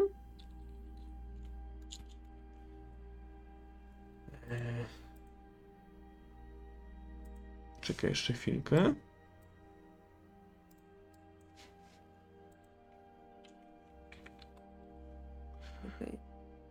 Tu się zadziało? Odpisz sobie. Y, No, jeśli chodzi o nocleg, to, to zależy, czy e, jakaś wspólna sypialnia interesuje, czy miejsce w, y, tutaj w sali wspólnej, żeby nocować. Eee... Hmm. Bo miejsce na podłodze to będzie z y, 10 pensów od głowy, a y, miejsce na łóżku to 15.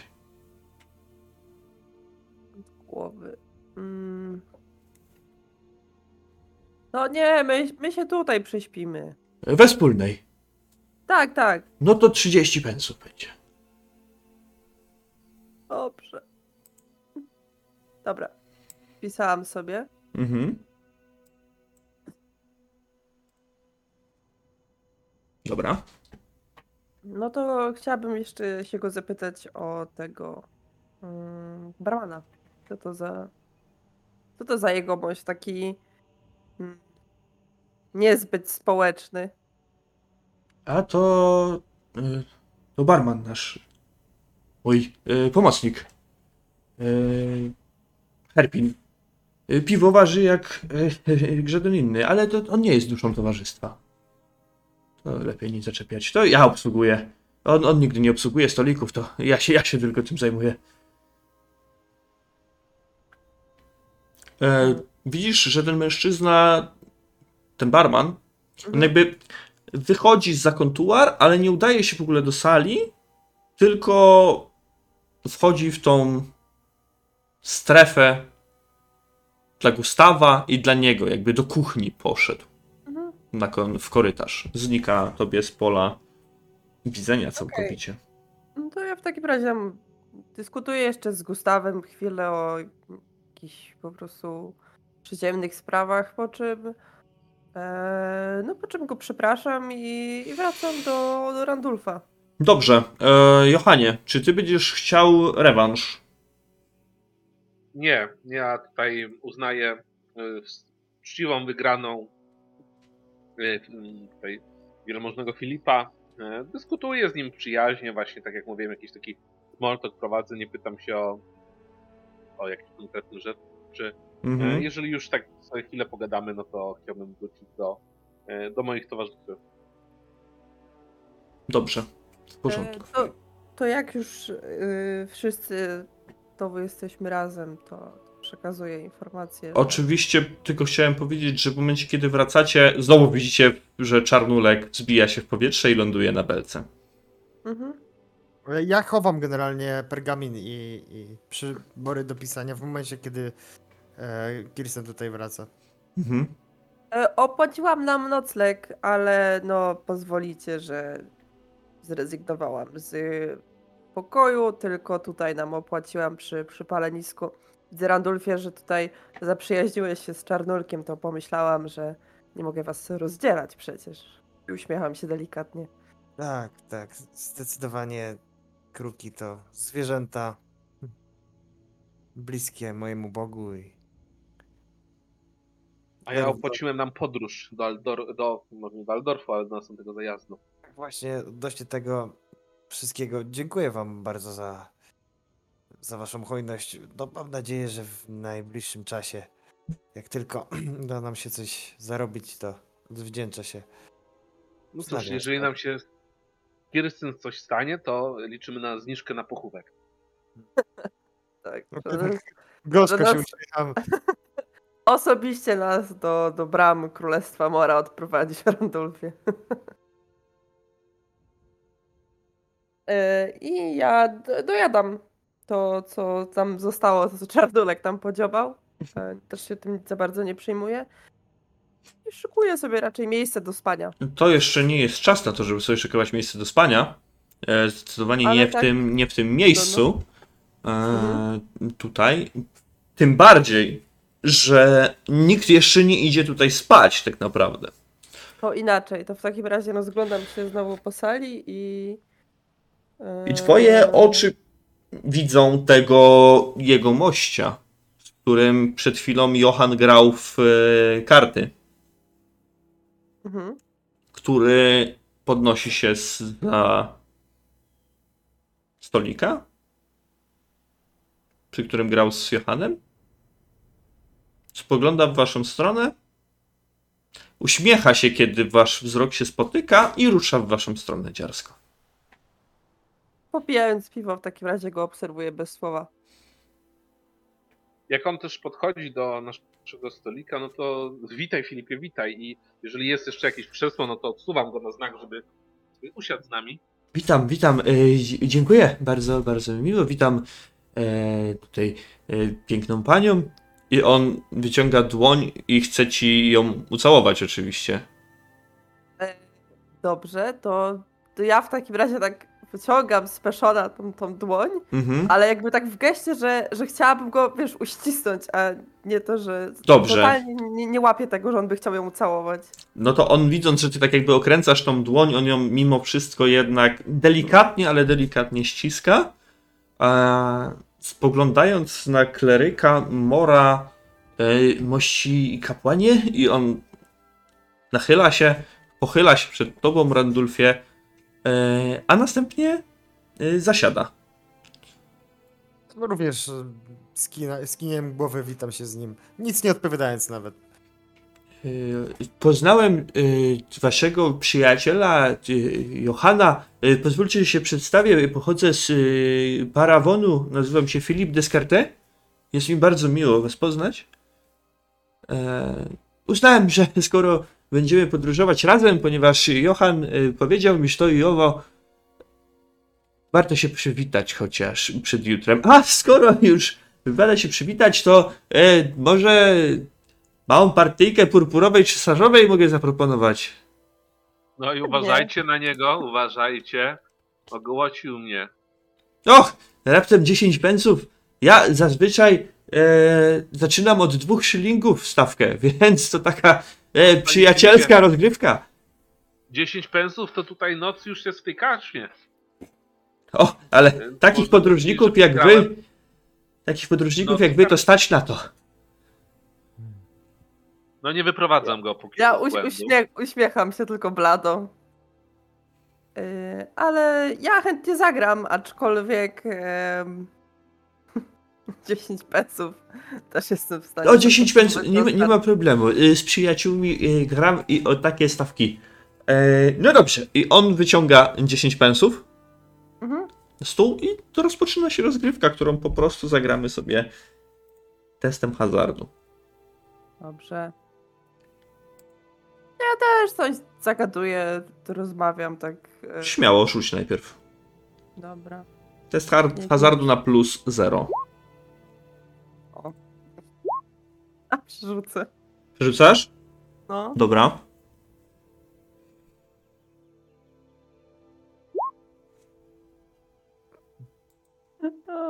Dobrze, przegrałaś 10 pensów w tym momencie.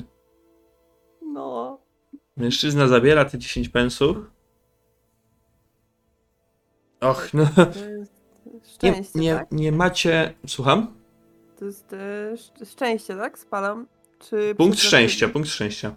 Mhm. E, och, nie macie szczęścia w kartach. E, nie wiem, czy mi wypada, jak to e, wygląda tutaj w Imperium. Ja podróżuję dopiero od jakiegoś czasu, ale czy wypada tutaj e, kapłana pytać o rozgrywkę? E, no, Myślę, że to nie jest żaden problem, ale no ja nie potrafię grać w tą grę, tak więc żaden ze mnie kompan do rozgrywki. E, ona jest bardzo prosta, ja mogę wytłumaczyć. A zagrać mogę, ale na pewno o pieniądze co najwyżej chętnie się nauczę, ale E, t- dobrze, dobrze, to zagramy sobie, jak to mówią, rekreacyjnie. E, rzuć sobie na ha- hazard. I kapłan wygra, ja wam to mówię.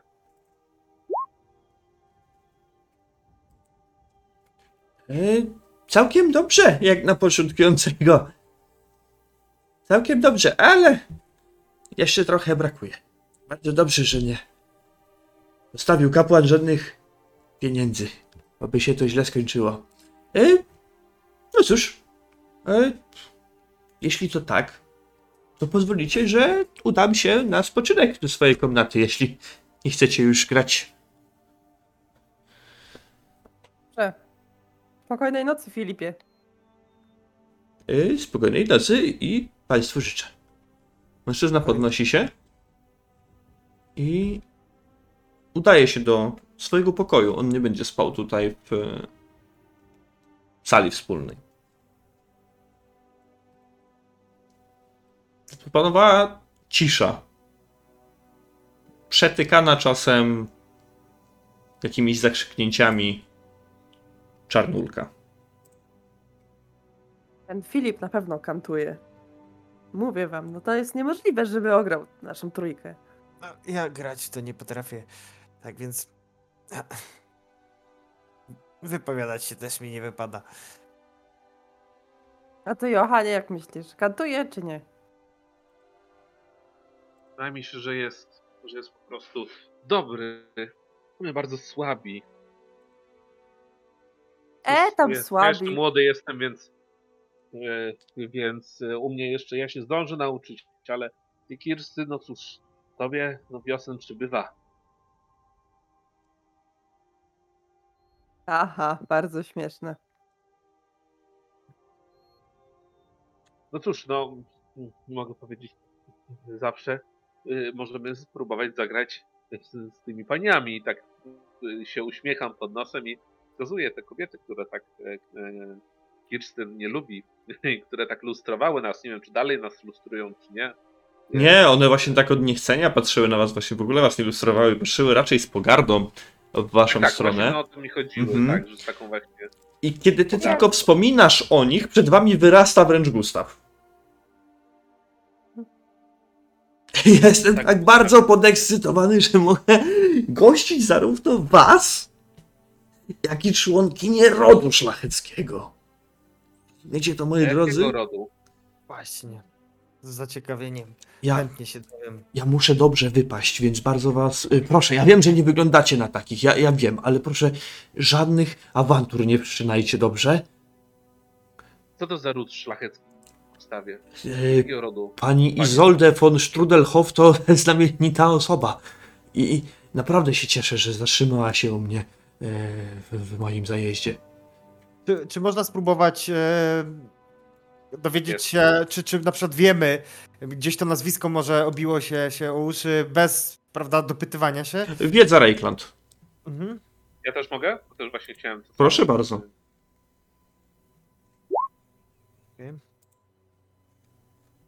Mhm. Ciągle jeszcze te modyfikatory mi tu wskazują. O, Dobra. E, zaraz wam powiem, czy chcecie coś od y, Gustawa może wyciągnąć jeszcze, bo tak na razie są tylko wasze przemyślenia, ale... Mm, stawia, wiesz, w jakim celu one y, zmierzają, bo zakładam, że do Aldorfu. Nie wiem, czy on wcześniej wspominał, że do Aldorfu. Nie, o niej nie wspominał, o niej nie wspominał. Tak, E, kompletnie. E, No to chce się tak pociągnąć go za język, co on tam wie jeszcze. E, tak, tak. właśnie udają. Pani, pani, pani Izolde y, podróżuje do, do Altdorfu razem ze ze swoją świtą. E, Ty, Johanie, udał ci się rzut. Wiesz, że to nie jest jakaś, jakiś znany ród szlachecki, raczej tutaj e, dragwaldzki z tych terenów. Jak są jakieś posiadłości po prostu rozsiane po całym Dragwaldzie na tych traktach, to są to jakieś pomniejsze, pomniejsze rody szlacheckie, ale nadal szlacheckie mimo wszystko. Jest to y, zdecydowana różnica. E, Pani, pani Izolde rusza w jakichś sprawach, o które no, nie wypadało mi pytać. Y, Zrozumcie też, e, starałem się wywnioskować nieco, ale no, taka wytworna pani, tak elegancko ubrana, no to, to jak nic, tylko po jakiegoś, jakiegoś wybranka serca według mnie rusza.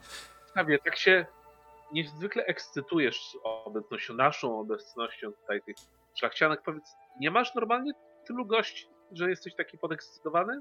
Czy to normalni podróżnicy jesteśmy tutaj, szukający szczęścia w Imperium? No tak, ale e, rozmawiać możemy sobie, wy- wymieniać się poglądami. E, Powiadacie mi, co jest na szlaku, ja wam podrzucam jakieś informacje, które ja usłyszałem. No, Ja bardzo lubię Taki mieć karczmasz z powołania. gości. E, tak, tak, tak. To, e, to rodzinne u nas to. to e, tak, tak, tak, Długo tak stoi to zajazd? Ten Tak, zajazd. próbuję go trochę go, e, ja, jeżeli chodzi, tylko powiem co chcę zrobić, ja chcę go wypytać jakieś takie szczegóły, żeby go połechtać trochę, tak e, no... Wiesz co, wydaje ci się, że nawet, nawet nie musisz tego robić. On i tak już jest wystarczająco, wystarczająco połechtany, ale jeszcze, jeszcze podbijasz to, to yy, mogę powiedzieć jego ego? Po prostu jest mu bardzo, bardzo miło. Opowiada ci, zaczyna ci opowiadać o losach rodzinnych. Ten mężczyzna naprawdę ma tendencję do, do dygresji. Przepraszam, ja takie mam pytanie. e, Yy, I moja babka wtedy, y, tak? Nie, to nie jest, to jest pytanie generalnie o tą izbę, gdzie my będziemy spać. My będziemy spać tutaj, tak? No tak. E, Karczmarzu, no pozwolisz, że ja już powoli bym się przygotowywał tutaj do spania. E, tak, tak, proszę, oczywiście, tak. I e, tutaj posłanie sobie przygotował. E, Pos, posłania, po- e, posłania tutaj e, są. Tylko trzeba sobie jakieś e, te, te śpiwory, co tam leżą, to trzeba sobie e, nakryć i, i skorzystać. A, dziękuję, dziękuję bardzo. E, To lepiej tu przy, przy kominku, tylko ja będę chodził i, i dorzucał e, ognia, żeby zimno nie było. Karczmarzu, przy kominku to dla mnie to za gorąco, mi to już bliżej jednak takich chłodniejszych miejsc. Pozwolisz, że ja trochę dalej sobie posłanie rozłożę jednak tutaj w głąb izby. E, tak, Karczmarzu, może, może jakąś tutaj szpadelkę dasz, to sobie kapłan Mora to tam dziurę w ziemi wykopie, żeby sobie mógł wygodnie zasnąć. Gustaw zaczyna się śmiać, rozbawił go ten żart, oczywiście, zwłaszcza po tym, co Johan wcześniej do niego mówił. No i tak jak I spoglądam na, na ten, na Johana, tak. Tak jak- Jak zaiste. tak jak wspominałem, to moja babka. I on zaczyna opowiadać dalej o tym zajeździe, oczywiście. Skoro nikt mu nie przerywa, to mówi. I mówi. I mówi. E, czy ten, e, rozumiem, że ten Bretończyk to była inna osoba niż ten młodzian, który czytał książkę. Inna osoba, inna, inna. Ten młodzian dalej siedzi i czyta książkę.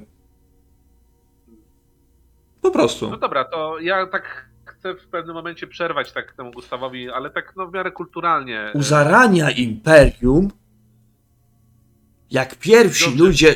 Opowiadaj moim tutaj towarzyszom, a ja zaraz przyjdę i odchodzę. I chciałbym podejść do tego chłopaczka, co, co czyta. Ja go nie słucham, ja go nie słucham, o czym zupełnie mówi, ale w pewnym momencie po prostu w, w najmniej oczekiwanym praktycznie momencie jego opowieści. Skąd masz tego ptaka? E, no to tak jak już wspominałem, e, Czarnulek od jakiegoś e, czasu, no już ładnych paręnaście lat tutaj e, z naszą rodziną jest. Nie wiem czemu on rozmawiać umie, ale tak się nauczył chyba po prostu powtarzać, bo to zwykłe zwierzę przecież to tak słucha, słucha, ja ciągle to samo mówię praktycznie, e, jak witam gości, no to i powtarza to. Mądre ptaszysko jest. Tak. Zdecydowanie jest to jedna większych atrakcji tego miejsca. Jak coś czuję, że pogoda się pogarsza. Jutro pewnie będzie padać. Nie wiem. I, E, tak, ja O. odszedłem w razie czego. i rozkładam te Wiem, że, roz, wiem, że tak, odszedłeś. żeby, Mhm. tak, żeby być na widoku. E, może nie tak. E, aż bardzo ekspozycyjnie, specjalnie, ale jednak, żeby przykładowo ta e, szlachcianka była w stanie zauważyć, że ktoś tutaj będzie nocować. Żeby była Tak. w stanie zauważyć. Tak, tak, Dobrze. oczywiście, ale jednocześnie nie, mm, nie robiąc to tak, by karczmarz zauważył, że robię to złośliwie. A ja, Rozumiem. ja jak najbardziej nie robię tego złośliwie, tylko mam pewien cel w tym, ale... Rozumiem, rozumiem. Nie ma żadnego problemu. E, sama szlachcianka, bo zaczęła przykuwać waszą uwagę od jakiegoś czasu. To Moją jest... nie. Słucham? Moją nie. Nie, ale i tak, i tak zwróciła się na nią uwagę wcześniej. To jest naprawdę atrakcyjna kobieta. Smukła, miedziano-złote włosy. Jak dobiega do was czasem jej głos, jest bardzo wytworny, taki miękki, rejklandzki akcent. Młoda, ubrana w najszykowniejszy strój, elegancki kapelusz, nieco egzotyczny, tak jak już wcześniej powiedział wam e, Gustaw. Teraz to Randulf będzie ją miał na widoku, że tak powiem. Kiedy Johan odchodzi w stronę tego młodziana czytającego książkę, Gustaw pochyla się jeszcze nad Kirsten. Parę miesięcy temu spalono na stosie burmistrza Grunburga. O, a to czemu? podobno paktował z chaosem. Ktoś Mhm. słyszał, jak on ze swoim kotem rozmawiał i karmił go zaczarowanym mlekiem. Zaczarowanym mlekiem powiadasz. Wielu świadków słyszało, jak burmistrz krzyczał do kota: Przestań miauczeć i pij to przeklęte mleko. Ja No i- no, nie wytrzymuję. Parskam śmiechem. Czarnulek w tym momencie: Pij mleko! Naprawdę. Kiedy Kirsten parsknęła śmiechem, Gustaw zdziwił się nieco. Dla niego jest to jak najbardziej poważna sprawa. Tak było, naprawdę. Spalony został za to. Przepraszam, Gustawie. A, a słyszałeś może, że jak elfy ogolić ze wszystkich włosów, to umrą? I tak z taką totalną powagą mówię. To dlatego najświętsza wszystkie z włosami takimi długimi. Tak, tak, właśnie. Żeby kto ich przypadkiem nie pozbawił ich. Taką może trochę- i być.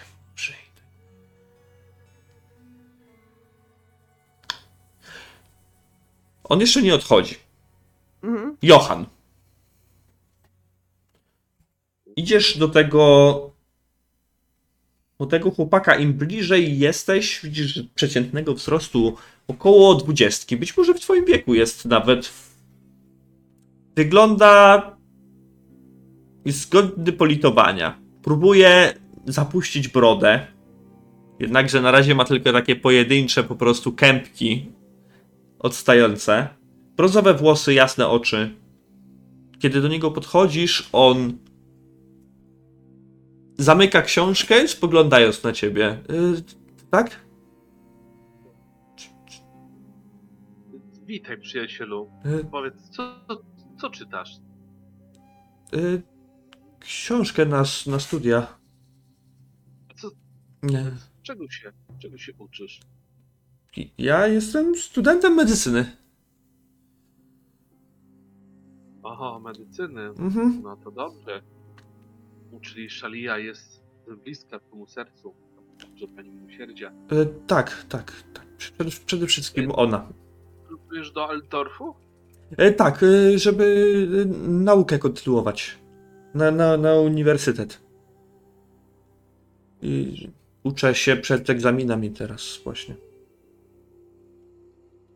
No to dobrze. Ja też się przyuczam, ale trochę na trochę inny zawód niż twój. O, te, też, też, też studia, tak? Można tak e, powiedzieć. Ale to chciałem Mhm. po prostu poznać się i zapytać się właśnie dokąd więc wychodzi na to, że będziemy podróżować razem jednym, e, jednym powozem. A to pan też y, z, z woźnicami?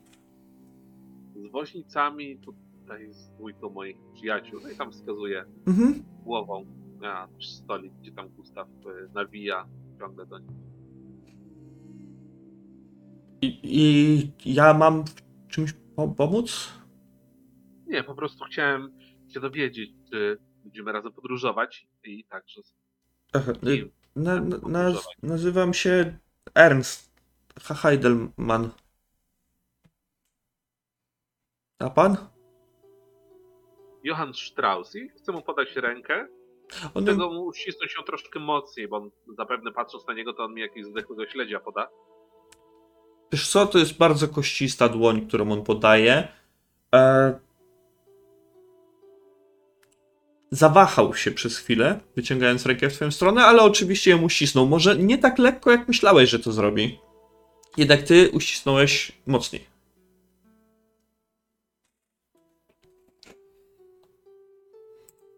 Czy trzymasz jego dłoń, czy puszczasz? Może to głupie, ale chciałbym się po prostu tak przyjrzeć tej dłoni, czy nie widzę oznak niczego podejrzanego. To jest już takie. Zwykła dłoń. Zwykła dłoń. No to puszczam, tak. Przez No chwilę myślisz sobie, Johanie, też o tym, że to, co cię uczyli często, to, czego cię jeszcze uczą, to kim jesteś. Masz w głowie liczne wykłady, może nie takie uniwersyteckie, ale wtedy, kiedy kładli ci do głowy, żeby wszędzie szukać oznak chaosu. I kiedyś, kiedy myślałeś, że jest to paranoja i że jest to głupie, teraz łapiesz się na tym, że rzeczywiście to robisz. I spoglądasz na dłoń jakiegoś studenta, który jest przestraszony widząc ciebie, bo nie rozmawia z nikim prawdopodobnie, a ty szukasz na jego dłoni oznak jakiegoś spaczenia, oznak chaosu. Dobrze, tutaj. się. e, No cóż, droga długa, zawsze w razie, w razie czego e, przyda się ktoś, kto umie człowieka połatać, albo przynajmniej chociaż uczy się na to. E, ten trakt, trakt jest niebezpieczny, powiem zwierzę ludzi, więc zawsze dobrze mieć taką osobę. Tak, ja y, o, o pijawkach czytam. No dobrze, ja też już y, jestem bliski zrozumienia tych wszystkich szlaczek i, i literek, więc. Ale może y, mógłbyś mi coś podpowiedzieć ich? Tylko czysto fabularnie, żeby on może coś mi ze mną poczytał, czy może jakbyś coś popytam, bo już, już prawie, że tak powiem, czuję, że niedługo osiągnę tą umiejętność. Wiesz No, co, siedzisz, siedzisz naprzeciwko, to siedzisz naprzeciwko niego, kiedy on e, otwiera księgę i po prostu zaczyna ci czytać coś. I na razie to po prostu zostawimy. Randulf, ty się układasz tam. Masz już gotowe posłanie. Powiedz mi, czy masz jeszcze w tym jakiś cel, bo nikt nie zwraca na ciebie uwagi.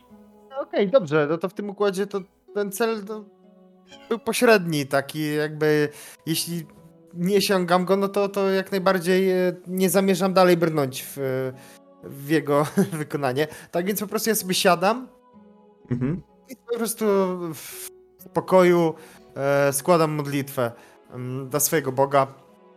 Korzystając z tego, że już nie ma Gustawa, który gdzieś tutaj nad, e, nad moim uchem ciągle gdaka. Tak. E, W porządku. Zaczynasz się modlić do Mora. Tak. Ci woźnice podnoszą się ze swoich miejsc próbując trzymać pion i ruszają do pokoju. Ruszają, żeby się przespać. Chociaż wyglądają naprawdę, naprawdę mizernie. Ja też w takim razie zaczynam sobie już szykować posłanie. Nad tobą jeszcze stoi Gustaw. No, ja mimo wszystko, ja mimo wszystko. E, on gada, ale ja, ja robię Bo swoje. drogi są w coraz gorszym spa- stanie. Kiedy ty się tam pokładasz już do spania niemalże, on stoi nad tobą i gadać. Mości, Gustawie, jutro dokończymy, dobrze? No bo ja ale już tak imperator o- prawie przestał o nie dbać. Ja w tym momencie podchodzę, bo już skończyłem, że tak powiem, z Mhm. e, Ernstem, słysząc, że tutaj e, on nie daje Kirstyn e, spokoju. Mości Gustawie, słyszałem, że tutaj ta pani szlachcianka cię prosi do siebie. O, y, y, y, panie Izolde? Dobrze, już, już. Podchodzi. Niech ci Sigmar wynagrodzi, Johanie. Tak Śmiecham do. Ja odwracam się w drugą stronę, nakrywam się śpiworem i próbuję zasnąć, bo mimo wszystko e, dzień podróży wyczerpał mnie. W porządku. Odesłaliście Gustawa, który słyszeliście, że dostał krótką, aczkolwiek surową reprymendę od Lady Isolde, którego wcale nie wołała, wcale go nie wzywała. Spojrzał w waszą stronę lekko zdziwiony i może lekko zasmucony. Ale wy kładliście się już na swoich posłaniach. Także i Johan. Sala zaczęła powoli pustoszyć jedynie w środku została Lady Isolde, jej ochroniarka oraz ta trzecia służka, która zdawała się być nieobecna. Nawet Ernst, ten młody student, udał się do pokoju. Tak naprawdę służba ma swoje miejsca, ale we wspólnej sali będziecie spać tylko wy. Co jakiś czas Gustaw będzie podchodził i dorzucał drewna, dopóki oczywiście także nie pójdzie spać. Randulfowi to nie przeszkadza, on zajął miejsce też i przy bliżej, bliżej drzwi, tam jest chłodniej. Tam jest przyjemniej, ale też bez przesady, Randulfie, nie jesteś. Tak, tak, to jest, nie chodziło mi, że idę aż tak daleko. tak. tak. Tylko to było po prostu takie powiedzenie, by jakby rzucić argument jakikolwiek tutaj samemu karczmarzowi. A tak naprawdę to mm, ja po prostu się odsunąłem kawałek dalej, no. tak. Żeby dalej jednak to ciepło kominka e, rozgrzewało mnie, no i Oczywiście do tego dążę. Nie, nie jesteś w końcu, nie wiem, odporny na zimno, albo nie, nie, nie tak. umiłowałeś sobie tylko chłodu. E, Jest przyjemnie. Jest coraz ciszej. Nawet woźnice, których jeszcze słyszeliście z swoich komnat, w końcu ucichli.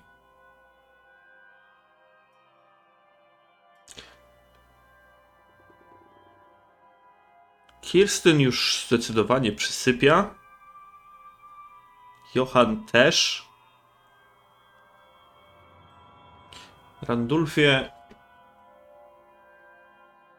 Zainteresowała Cię w sumie jedna rzecz.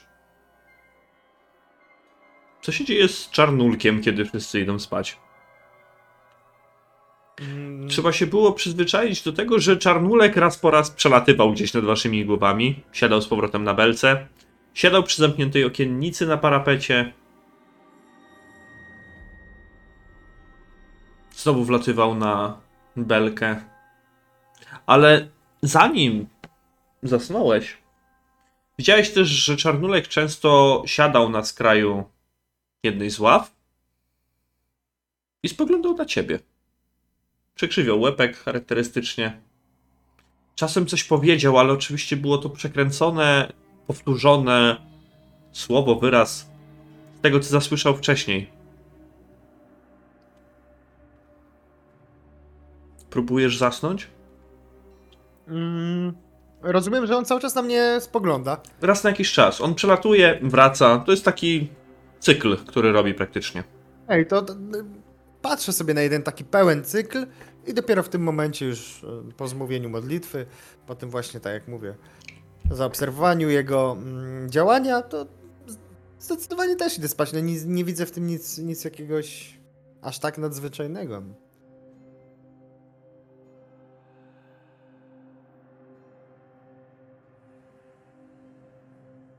Jesteś najbliżej drzwi, kiedy około, byś powiedział, północy słyszysz łomotanie do drzwi karczmy. Zbieram się na równe nogi. E, Wiadomo, to jest taki odruch w pierwszej kolejności. Jako, że nie jestem żadnym gospodarzem, nie jestem osobą, która zakluczyła te drzwi, mm, to również nie dobiegam do nich. Nie wiem nawet, czy klucz w nich jest zostawiony. Nie. Nie, nie, nie ma, nie ma klucza zostawionego. Ym, jeszcze jeśli chodzi o otoczenie, widzisz, że Gustaw nie dokładał już od jakiegoś czasu, bo ogień zaczyna przygasać w kominku. Mhm. Jest już dość ciemno, twój wzrok przyzwyczaja się, już jest przyzwyczajony w sumie do, do tej ciemności. Widzisz, że klucze są odwieszone na, na haczyku, jakby przy drzwiach. Nie jest to zbyt mądre podejście, ale tak po prostu zrobił Gustaw. Twoi towarzysze też się budzą. Od razu was informuję. Widzicie Randulfa, który staje na równe nogi. Słyszycie łomotanie do drzwi i to takie dość natarczywe, agresywne. No ja w takim razie Cholera. zrywam się. Otwierać! Kogo to diabli niosą o tej godzinie? Otwierać powiedziałem! Głupi, żeby tymi drogami podróżować w nocy. Ja Kim zbliżam- jesteście? Zbliżam się do kominka, w tym czasie dokładam drewna, tak, żeby jednak trochę nam tego światła dodać. Otwierać w imieniu rodziny von Strudelhoff. Wymieniam krótkie spojrzenie z, z Johanem, po czym podchodzę do, do drzwi i odkluczam. Odkluczasz drzwi i od razu czujesz, że ktoś z drugiej strony napiera na nie, Mhm. więc odpycha cię wręcz do środka. Robisz kilka kroków wstecz, kiedy drzwi się otwierają. Widzicie młodego mężczyznę Mhm. ubranego w strój podróżnika, ale podróżnika z wyższych sfer. Okej. Razem z nich, razem z nim do karczmy wchodzi trójka mężczyzn. Może nie oprychów, ale takich zawadiaków, może najemników. Doszły mnie słuchy, że w tym przybytku, w tym momencie do głównej sali wchodzi Gustaw. Doszły mnie słuchy, że w tym przybytku zatrzymała się Lady Isolde von Strudelhoff, moja siostra. Każdemu, kto ma jakieś informacje na jej temat, zostanie przyznana nagroda. Y, y, y, Gustaw tylko spogląda się na, na to, co się dzieje. Y, może się uspokoimy, bo tutaj. Cze- Czemu drzwi są otwarte? Co się. Y, ociera pod strzoła o tej porze. Takie najścia, jaśnie pan yy, wybaczy. Może yy, usiądziemy wszyscy, porozmawiamy. Nie będę rozmawiał. Wy. Wiecie Ja coś? tak tylko wy- wymieniam się z Kirstyn i z Ranulfem, Randulfem e, spojrzeniami. No to Czy- do mnie, bo ja jestem odwrócony w stronę kominka i dorzucam drewno No dalej. tylko. Mhm. Czy i tak lekko kiwam głową na znak, że no, że można zdradzić im, no, pieniądze groszem nie śmierdzą, a co nas obchodzą, jakieś, Mhm. jakieś paniczki. A no, zatrzymała tu się taka pańska siostra, to znaczy. Eee, pokój na piętrze ma chyba. To w sumie. jakąś. Tam Mówię, ile Pokój na piętrze. On wam opisuje jak wygląda jego siostra w jego mniemaniu i ten opis zgadza się z tą szlachcianką. No to Dobry panie, ona głową, że tak, że to na piętrze. I tak tylko wystawiam tak rękę, pochylając, że tak powiem, też głowy w pokorze. Zaraz. Musimy sprawdzić. Idziemy. Przechodzą pomiędzy wami, ignorując twoją wyciągniętą rękę, Johanie. Ja wtedy zabieram. Zaczynając wchodzić na górę on i trzech innych mężczyzn. Widzicie Gustawa, który zbladł. Jest prawie tak samo blady jak Randulf. Ociera pot z czoła tylko nerwowo. Co tu się dzieje? Dlaczego takie rzeczy spotykają nas? Tu spokój powinien być. Gustawie, Jakieś nie przejmuj się, to no mów. spraw szachty. Nie warto się w nie mieszać. Tam tylko same konsztachty i intrygi. My dla nich jesteśmy jedynie pożywką. Słyszycie głośny krzyk na górze. Sigmara, co oni tam robią? Kobiecy krzyk oczywiście. Tupot nóg, Ale- jakaś szarpanina prawdopodobnie. I głośny krzyk. Płacz. Ja pytam w międzyczasie jeszcze karczmarza, nie odwracając się. To brat tej szlachcianki? Naprawdę prawdę mówił? Ja nie wiem, ja pierwszy raz widzę go na oczy. To wy, wyście Może zawierzyli, wiemy, czy ona ma brata, na wyś, przykład. wyście otworzyli drzwi. Czy wiemy może, że faktycznie, jeżeli ten znamy mniej więcej, co słyszeliśmy o tym rodzie, to czy faktycznie tam jest też brat? Nie musimy koniecznie wiedzieć, jak on wygląda, ale czy po prostu jest. Y, Wiesz co, nie masz, takich, nie masz takiego aż pojęcia o pomniejszych rodach tam Dragwaldu, prawda? Pewnie. E, Słyszycie dobra. szczęk broni.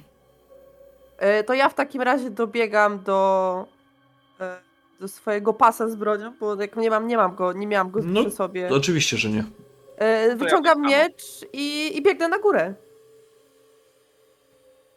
Ja może nie wyciągam jeszcze miecza, ale też właśnie się udaje, zapinając w biegu jeszcze właśnie e, pas.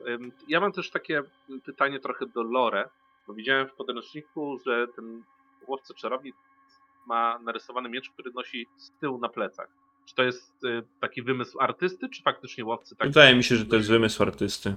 Dobrze, no to ja po prostu przypinam sobie e, też ten pas razem z mieczem i też idę za, e, za Kirstyn. Sensie, możesz mieć przywieszony przez ramię, to nie jest żaden problem według mnie. Ale no, praktycznie jest jednak przy pasie. Mhm. No to- Naturalnie ja też do, do, zapinam pas, ale aczkolwiek e, dobywam broni, Mhm. żeby... Jaki, jest, jaki jest wasz cel?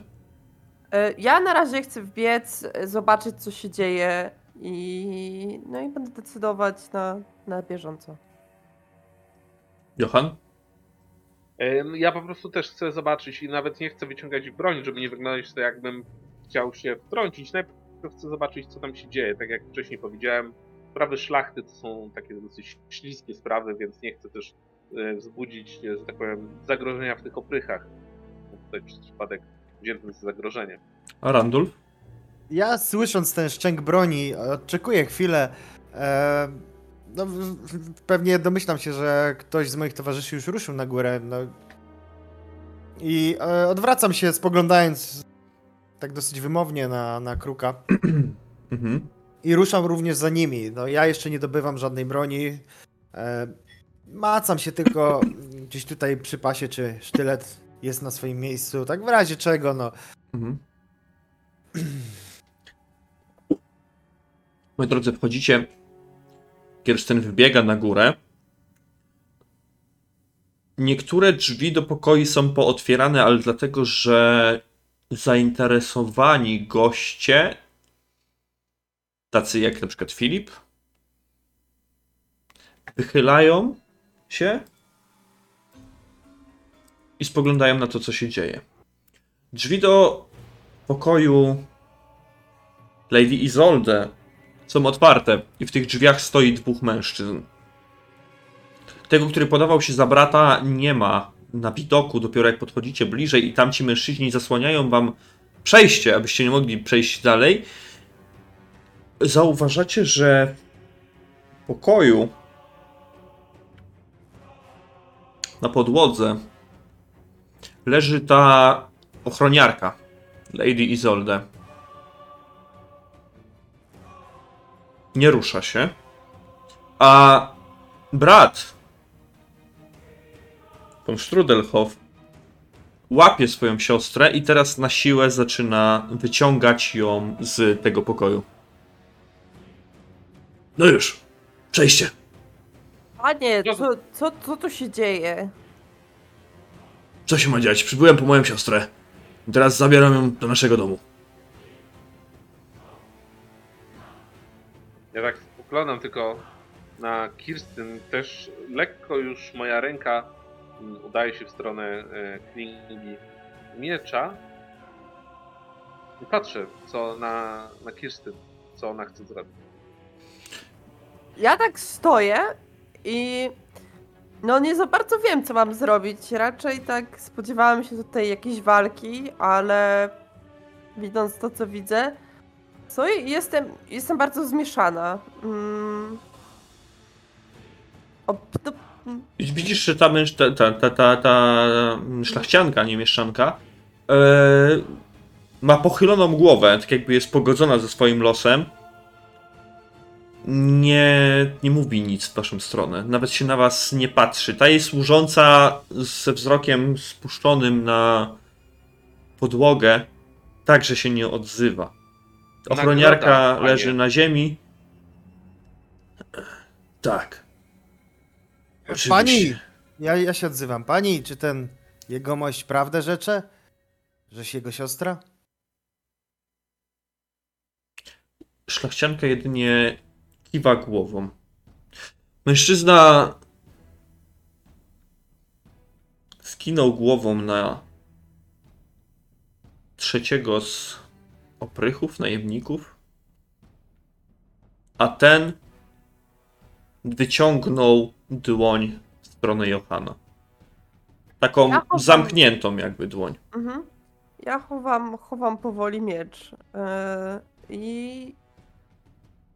No, jestem zainteresowana tą ochroniarką, czy ona żyje, czy nie żyje. Nie masz wejścia do środka w tym momencie. Aha, nie mam, nie mam, okej. Ja wyciągam dłoń po to, Mężczyźni wychodzą i najpierw odstępuje tych dwóch najemników, aby przejść korytarzem dalej. Potem wychodzi brat Lady Isolde z nią. A trzeci, ten, który wyciągnął rękę w twoją stronę, opuszcza na twoją dłoń dwie złote monety. Mężczyźni ruszają korytarzem na dół. Ja dziękuję, dziękuję. No i Kirstyn, e, sprawdźmy co z tą ochniarką, ale ja bym tam chyba się nie mieszał w sprawy szlacheckie. Mm. Ale jeśli trzeba jej pomóc, to potrzebuje nie Jak? można jej zostawić. I ja w takim razie w, w tym momencie się, się interesuję tą, tą ochroniarką, czy, czy dycha, tak czy samo. nie dycha. Teraz Ja zdecydowanie też się interesuję, czy ona jeszcze żyje. Wbiegacie do pokoju, Może na którym wchodzę bardziej. wchodzisz do pokoju, w którym ta ochroniarka leży na środku. Kiedy kucasz, pochylasz się nad nią, widzisz, że jest już praktycznie za późno. Mhm. Jej głowa została raniona, tak samo jak jej brzuch. Został tam wbity miecz. Głowa jest rozbita z lewej strony, potylica, z której sączy się krew. Ale ona jeszcze żyje, rozumiem? Nie, Mhm. No to nie ja oddycha, jej klatka piersiowa nie unosi się. To ja Została zdecydowałem- tutaj. Mhm. Randulfie jest cała twoja. Ja zdecydowanie odsuwam Kirsten. Tak delikatnie, tak delikatnie po prostu ją odsuwam. Mm, Żeby jednak. e, Ja wiem, że ona chciała sprawdzić, czy ona żyje, ale skoro ja już jestem pewien, że nie żyje, to tutaj rola, myślę, kogokolwiek innego jest. No i ściągam kaptur, nachylam się nad nią.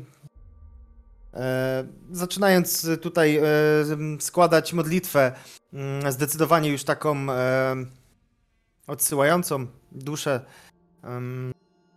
u bram, do Brammora. Mm, Mhm. W porządku. Ja tak słucham tego, dalej opieram dłoń na, na klindzy miecza, ale tak pochylam też głowę, no i, i, i, i słucham, biorę udział w tym pożegnaniu tej nieznanej mi osoby. Za wami robi się mały tłum, ponieważ niektórzy ze sług, na pewno Filip, Gustaw także dołącza po jakimś czasie, kiedy już drzwi na dole zostaną zamknięte i usłyszycie odgłos koni spinanych i galopujących daleko poza obszar tego przybytku. Randulf, musisz przygotować tę dziewczynę, tę kobietę, aby mogła udać się bez żadnych problemów do ogrodów Mora. Trzeba będzie ją pochować. Zdecydowanie i właśnie to chciałem wtrącić, że od razu szukam wzrokiem karczmarza. Mm, Gustaw stoi w wejściu, jest cały blady, jest cały spocony.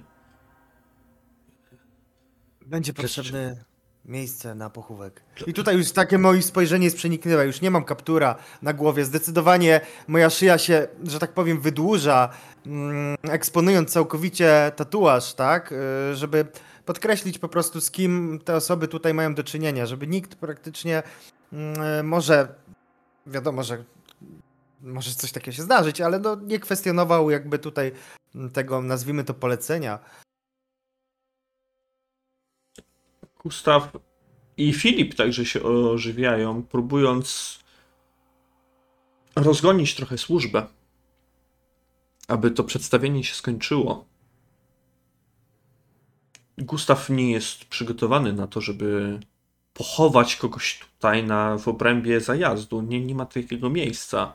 E, no, e, tak, kapłanie, ale no, my tutaj nie mamy ogrodów.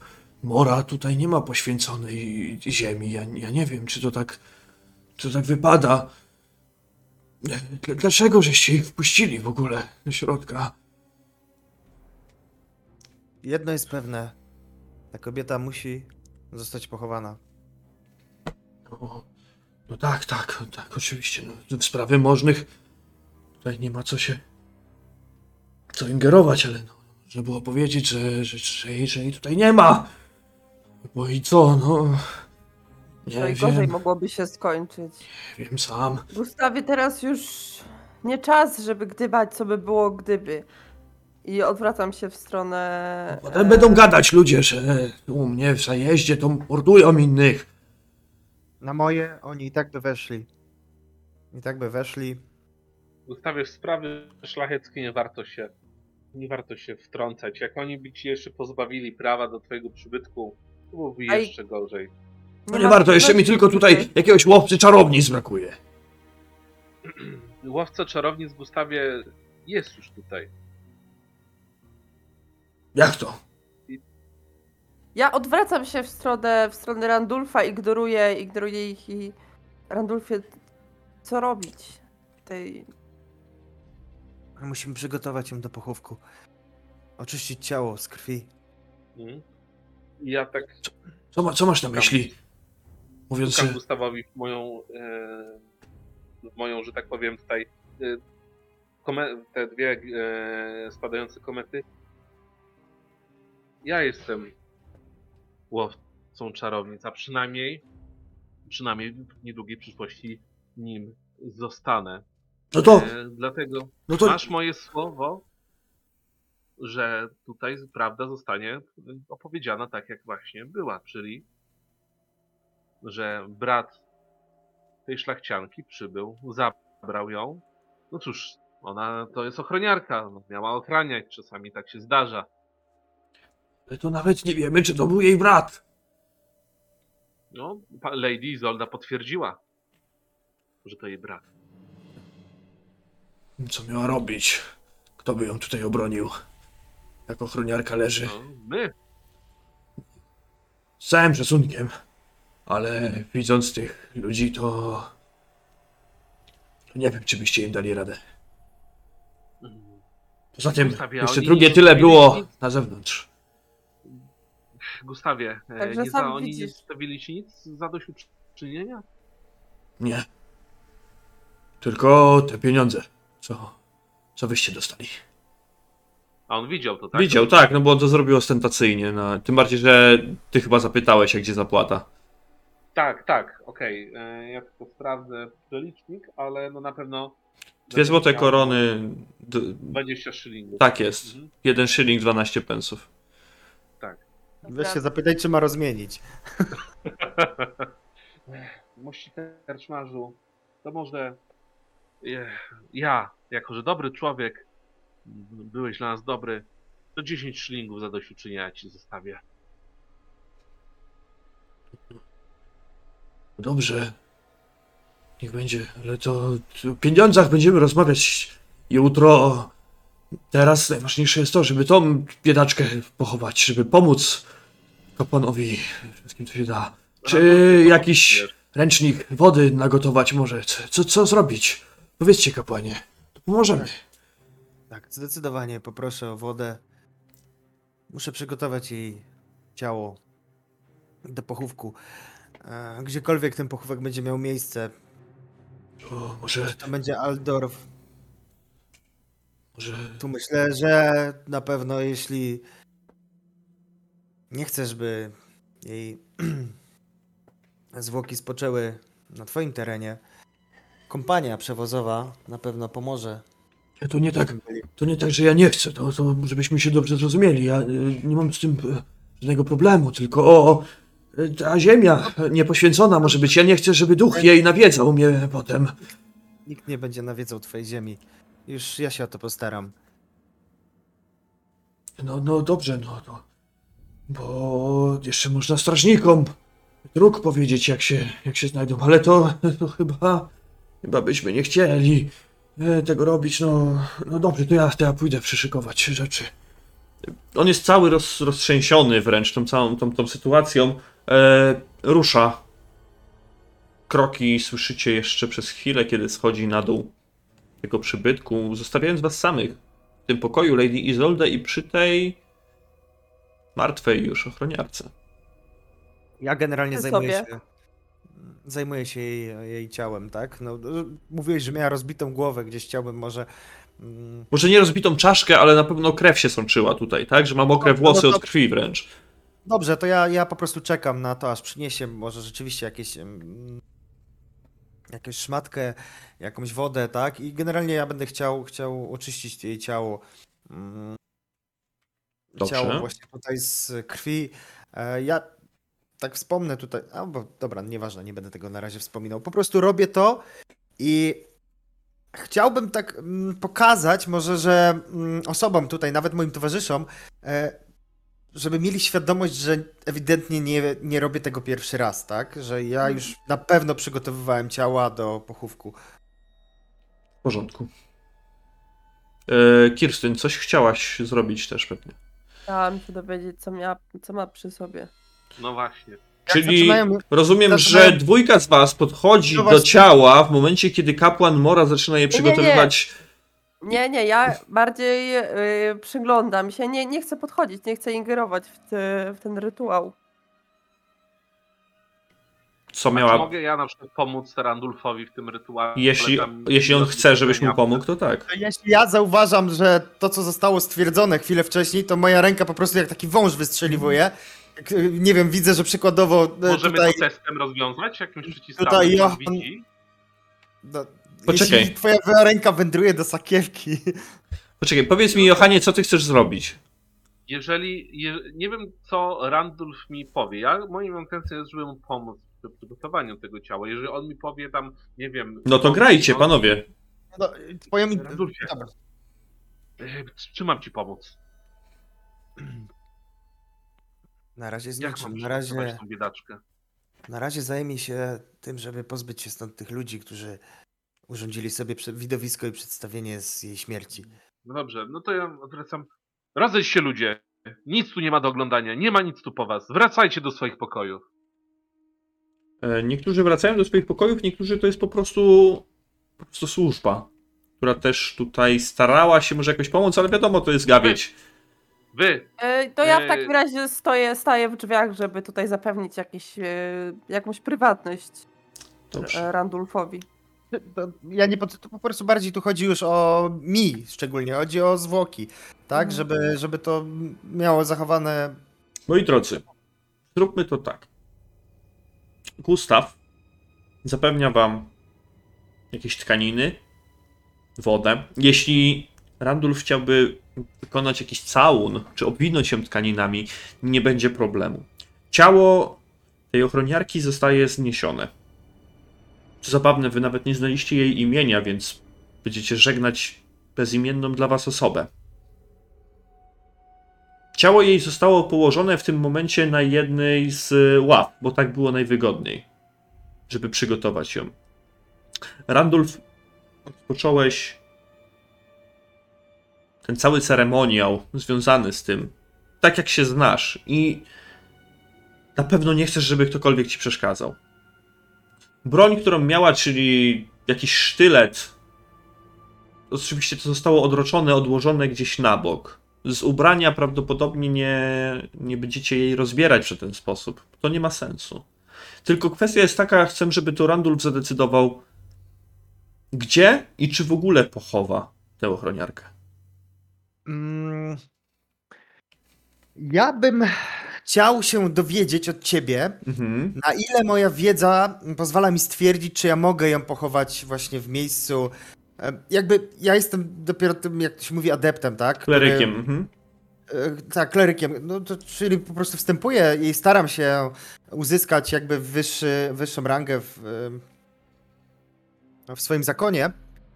Tak więc ym, na pewno obserwowałem, jak, jak wyglądają takie uroczystości, ale moja rola właśnie składała się na to, e, na to, że przygotowywałem głównie ciała, tak? Jeśli chodzi o ceremoniał pogrzebowy, najlepiej byłoby ją pochować po prostu w ogrodach Mora, na jakimś cmentarzu. Tak, tak, Oczywiście, myślę, że tak. Gdyby sam Johan i Kir- Kirsten chcieli pochować tę dziewczynę gdziekolwiek indziej, to no, byłoby jakieś bluźnierstwo przeciw Morowi, zdecydowanie. Tutaj jest łatwiej, ponieważ mamy też ciebie, mamy Randulfa i ty możesz w swojej mocy, jeżeli Randulf się czuje na tyle na siłach, jakiś skrawek terenu w imię Mora pobłogosławić. Sprawić, aby ta umęczona dusza nie powróciła, aby Mor przyjął ją w swoje objęcia.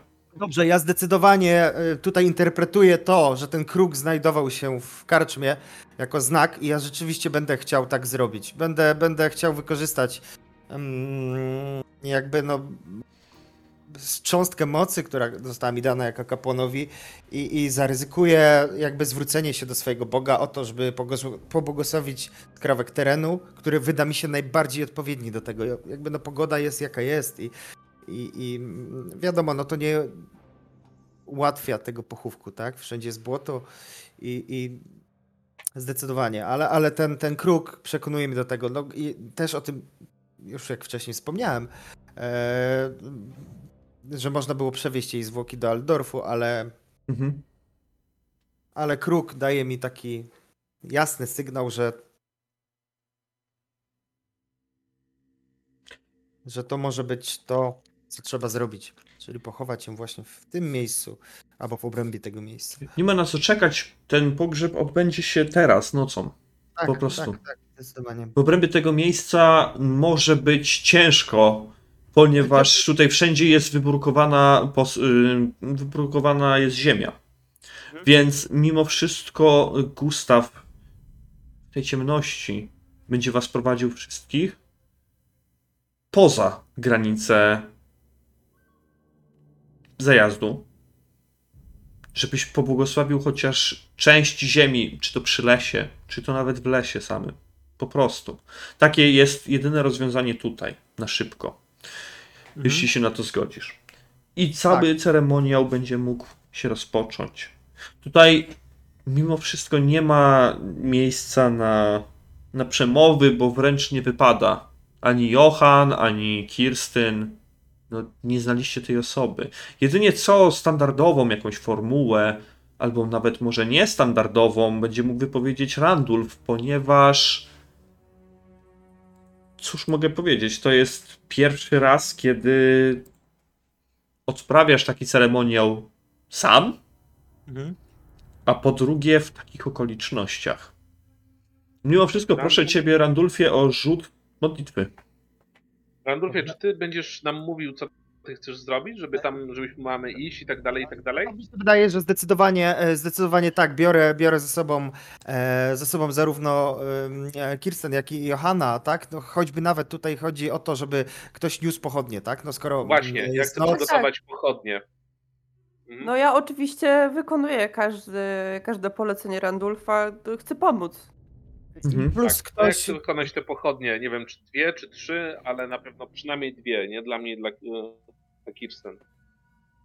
ktoś, ktoś jakby do, do też niesienia ciała, bo ja jednak nie chciałbym go nieść, tylko kurde. starać się cały czas, no może być służba oczywiście, tylko starać się jakby e, składać, składać modlitwę tutaj w intencji zmarłej.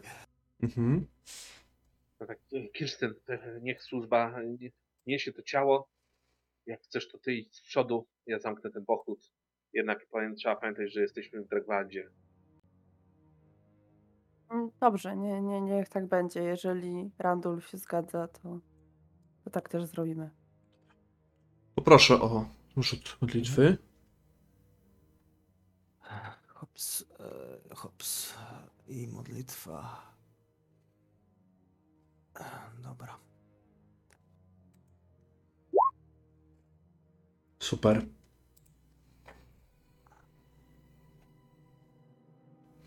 Lepiej się nie dało praktycznie.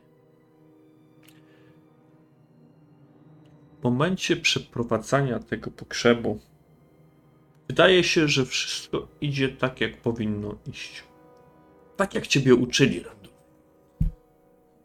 Tak, jak ty czujesz, że powinieneś zrobić. Natchnięty mocą sprawczą Boga śmierci działasz niczym wprawny kapłan, arcykapłan może. Dysponując, rozdysponowując tutaj ludźmi, którymi masz na podorędziu. W momencie składania ciała tej dziewczyny do grobu, na twoim ramieniu siada czarnulek. Kruk Gustawa. Nie odzywa się oczywiście, nie, nie powtarza nawet tego, co mówisz jako kapłan. Ale wiesz, że dzięki Twojej modlitwie, żarliwej modlitwie i temu, jak bardzo się starasz, Mor prawdopodobnie przyjmie duszę tej nieszczęsnej dziewczyny do swoich ogrodów. Ciało trzeba pochować, trzeba zakopać. Tym zajmuje się służba, nie będzie tego robić Kirstyn ani Johan. Gustaw też jest oczywiście gdzieś niedaleko, gdzieś nieopodal. Spogląda czasem na swojego kruka, który teraz towarzyszy Randulfowi w całym tym przedsięwzięciu. A wy też nie bardzo macie o czym mówić w tej całej sytuacji. Randulf dopełnia swoich obowiązków. Tak jak powinien to zrobić, tak się dzieje. I możecie wrócić do środka. Z powrotem. Aura na zewnątrz jest taka, jaką zapowiedział Gustaw, mówiąc, że czuje się tak, jakby miało zmienić się, miała zmienić się pogoda. Kiedy rozpoczynaliście pogrzeb, zaczęło padać. Delikatnie, ale jednak zaczęło. Nie wróciliście do środka przemoczeni, ale jednak wasze ubrania odczuły już nieco ciężar wody. Należy chociaż spróbować się jeszcze przespać po tych wydarzeniach, które miały miejsce w powozie i koniach. Ja wchodząc do środka patrzę w stronę paleniska, czy ono dogasa.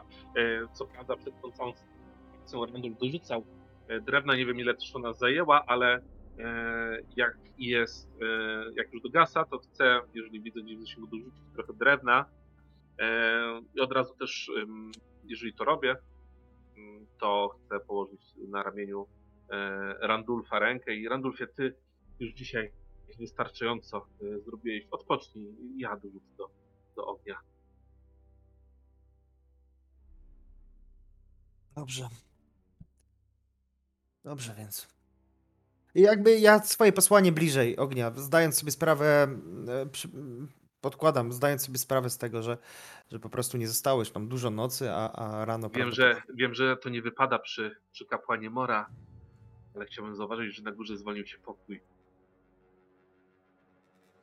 Ja zostanę tutaj i Ja, nie, nie, ja tak samo nie reaguję w ogóle na ten. nie, ja tak bardziej to powiedziałem właśnie tak, y, tak lekko, nawet kącik ust mi za, zadrżał. Oczywiście nie zamierzałem tam iść i spać, ale to taki, y, taka hmm, zabawna anegdotka, bo y, ja nie wiem, jakie poczucie, y, humor mają y, kapłani Mora i jaki mają dystans do wykonywanej przez siebie pracy. No, taki jaki charakter te prace mają. Bardziej to w głowie sobie pomyślałem. Aha, dobra. Tak, no i co, no też się szykuje, jak reszta się szykuje do, do, do snu jeszcze na tą resztkę nocy, to tak samo.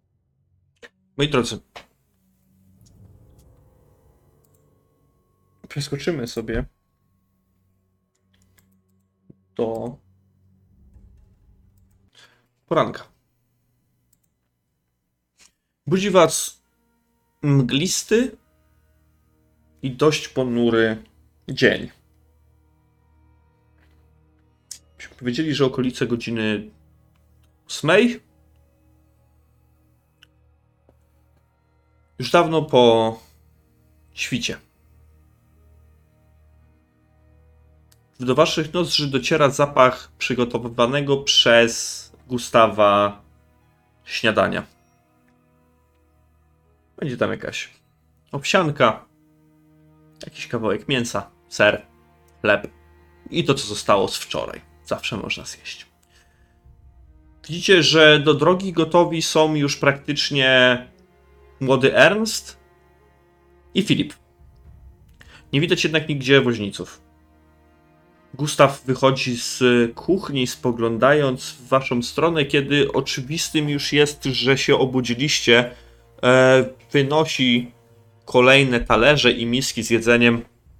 E, dobrze, żeście się już obudzili po tej ciężkiej nocy. Siądźcie, zjedźcie coś tutaj na na koszt mój naszego naszego zajazdu. Ja wkładam mu też w, w rękę, jak on tam podaje te 10 zł, y, może srebrnych monet, srebrnych szylingów. Mhm, odpisz sobie. Odpisałem. Dobrze. E, kiedy on mówi też o tym, że na jego koszt odzywa się, Filip. E, nie, nie, nie będziemy tak robić. Ja, ja zapłacę za śniadanie. E, I będziemy wszyscy zadowoleni.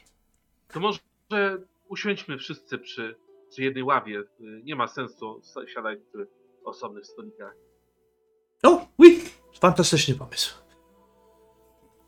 Wszyscy jesteście, no dość, by rzec, że przygnębieni.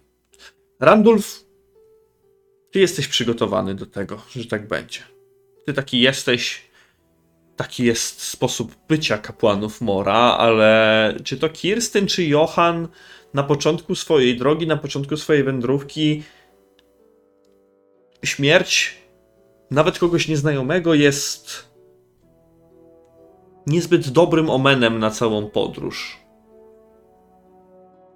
Po drugie, inaczej je się śniadanie, kiedy można sobie pożartować, a inaczej w takiej sytuacji. Siadacie ze sobą, jedząc. Czarnulek odzywa się raz na jakiś czas, siedząc na swojej belce. Kiedy około godziny dziewiątej Gustaw, przecierając ręce, łapie się pod boki. Nadal nie ma woźniców, a ten, ten dyliżans nawet nie został przygotowany do, do odjazdu. Ale stoi dalej. Stoi, tylko nawet nie jest zaprzęgnięty. No. Gdzie oni y, noc spędzali? Góry, pokój wynajęli. No dobrze. Y, Kirstyn, chodź, zbudźmy naszych. naszych. em, cóż. piochów. E, ja wstaję bez słowa. Praktycznie przez e, całe śniadanie nie wypowiedziałam ani jednego słowa, bo Kirsten czuje, czuje się winna, bo to jakby nie było ona otworzyła te drzwi, ona, ona wpuściła tych ludzi i i dopadają wyrzuty sumienia. Czuję, że czuje się odpowiedzialna za, za śmierć nieznajomej ochroniarki i przez to też nie jest zbyt rozbowna. Widzisz to, Johanie, że Kirsten nie jest zbyt. Nie chcę powiedzieć w nastroju, bo nikt z was nie jest w nastroju. Ale człapiecie do góry. Do jednego z pokojów, zajmowanych prawdopodobnie przez woźniców. Pokój wskazany wam przez Gustawa nawet nie jest zakluczony. Możecie wejść do środka i kiedy tylko naciskacie na klamkę, czujecie odór alkoholu i wszystkich innych gazów. No ja Niemalże, otwieram. niemalże wyrzuca was ze środka, kiedy dwóch woźniców śpi na dwóch łóżkach, będąc nieprzytomnymi. I tak. Kirstyn, weź obudź tego drugiego. Ja pochodzę do jednego z nich. Chcę mu im sprzedać tego kopa, żeby się obudzili. E, Ja przede wszystkim najpierw podchodzę do okiennicy i ją odsłaniam, jeżeli jest zasłonięta, i otwieram, jeżeli, jeżeli da się ją otworzyć. Otwierasz po prostu, tam nie ma czego Mhm. odsłaniać, tam nie ma żadnego pęcherza, ani tym bardziej Mhm. szkła, po prostu ją otwierasz. Eee, I tak podchodzę do, do, do drugiego woźnicy i takim po prostu e, jednym strzałem w policzek. Nie jest mi za mocnym, ale też e, taki, taki, żeby poczuł. Budzę go.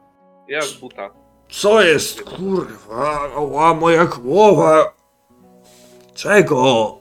Ała. Dawajcie, moczy mordy jedne. Zapłaciliśmy za przejazd. Jaki znowu przejazd? A, Holc! To, y, Zamknij mordę, musimy wstawać. Trzeba powóz przyszykować do drogi. przecież z góry wam zapłaciliśmy wczoraj. O, to pieniędzy to już dawno nie ma, drogi panie.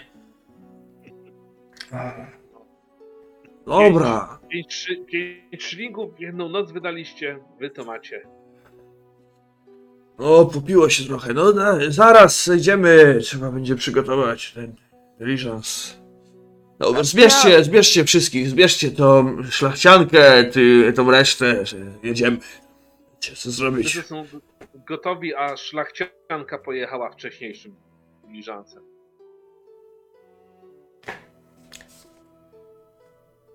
Johanie, rzuć sobie na charyzmę.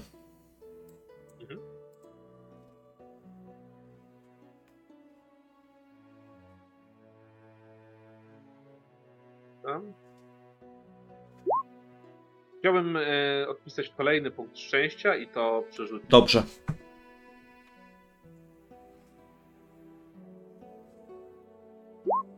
Mhm. Jeszcze gorzej. Dobra, tam Trudno.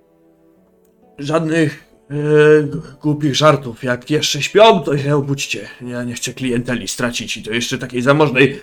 Także oni się powoli, powoli guzdrają z tych łóżek, trzymając się za głowy. Jak jest, upewniam się, że, że wstają, to po prostu wychodzę i wracam do, jest- do głównej sali. Czy jest tam nie jeszcze jakieś wiadro z wodą dyskusje. w rogu? Wiadro z wodą? Mhm. Bardziej z takimi ekstrementami bym powiedział wiadro. Nie no, to nie będę ich oblewał tym, to już bez przesady. Dobra, to ja wychodzę za, e, za Kirstyn. Mężczyźni jakiś czas później, potykając się, chwytając za głowy i jęcząc z bólu, także zejdą na dół. Diligence będzie gotowy do drogi około godziny 10. W środku, co prawda, może podróżować nieco więcej osób, ale jest brak z oczywistych powodów Lady Isolde, jej ochroniarki i trzeciej służki. Niemniej jednak ci woźnice dowiadują się, co się tak naprawdę stało. Wasze miejsca, mimo tego, że moglibyście zmieścić się w środku, są na dachu powozu. Bo tak za to zapłaciliście. Takie są opłaty i koniec. Pogoda jest kiepska. Jest mgliście, jest chłodno.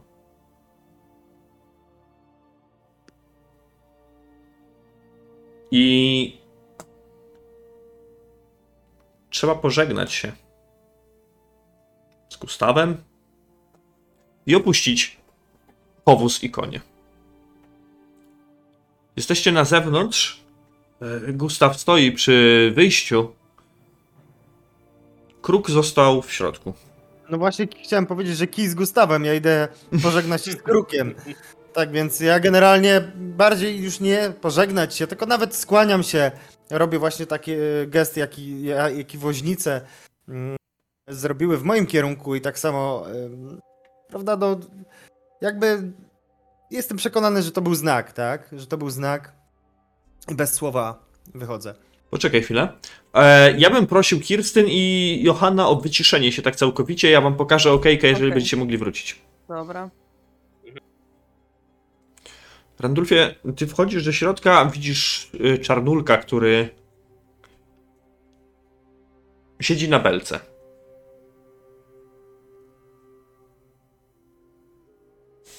Jemu się chciałeś, z nim się chciałeś pożegnać, tak? Rozumiem, że to co opisałeś odnosiło się do czarnulka. Oczywiście, że tak. Po... Pokłoniłeś się jakby w jego stronę. Kiedy ten kruk przekręcił kilka razy głowę, patrząc na ciebie.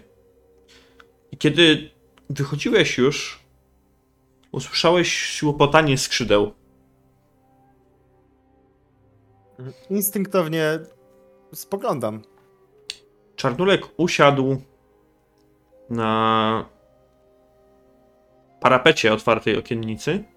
Przekrzywił głowę, patrząc na ciebie. Żegnaj, Randulfie. Po czym wyleciał przez otwarte okno. Stoję po prostu jak osłupiały. No. Mhm. I wpatruję się w to okno, nie wierząc, no nie wierząc, że coś takiego miało miejsce. Mhm. Całkowicie. Dobrze.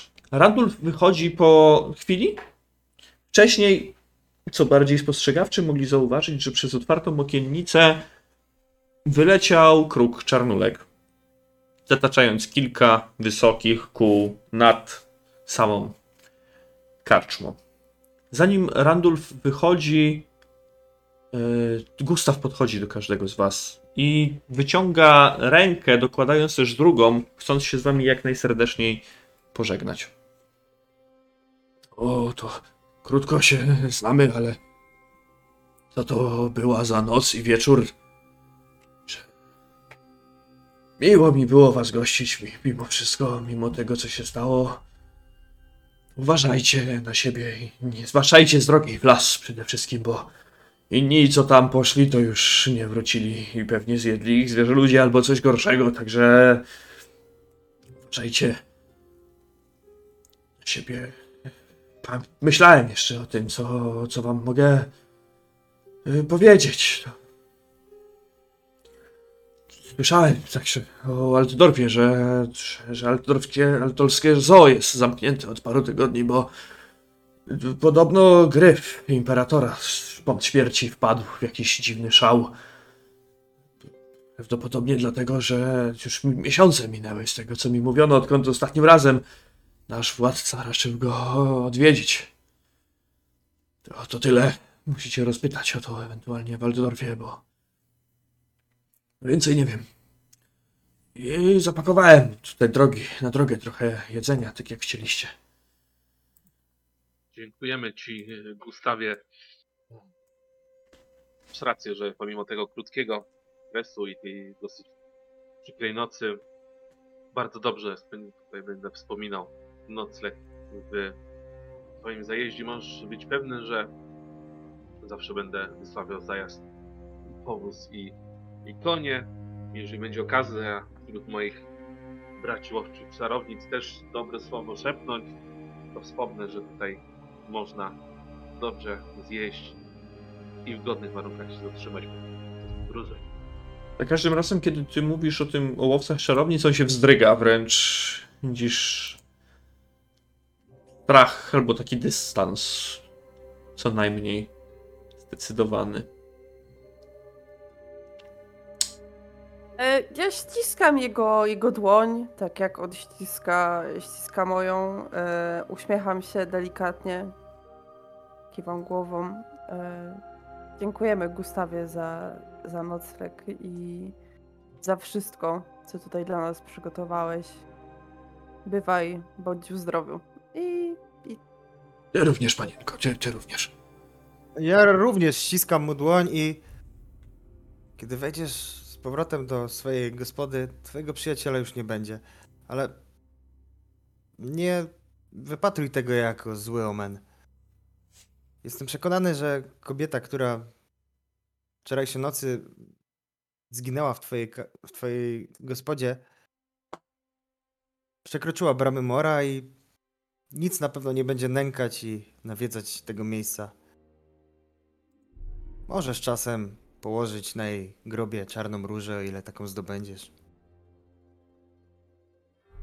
Postaram się, z wszystkich sił się postaram. Dziękuję wam, y, y, dobrzy ludzie.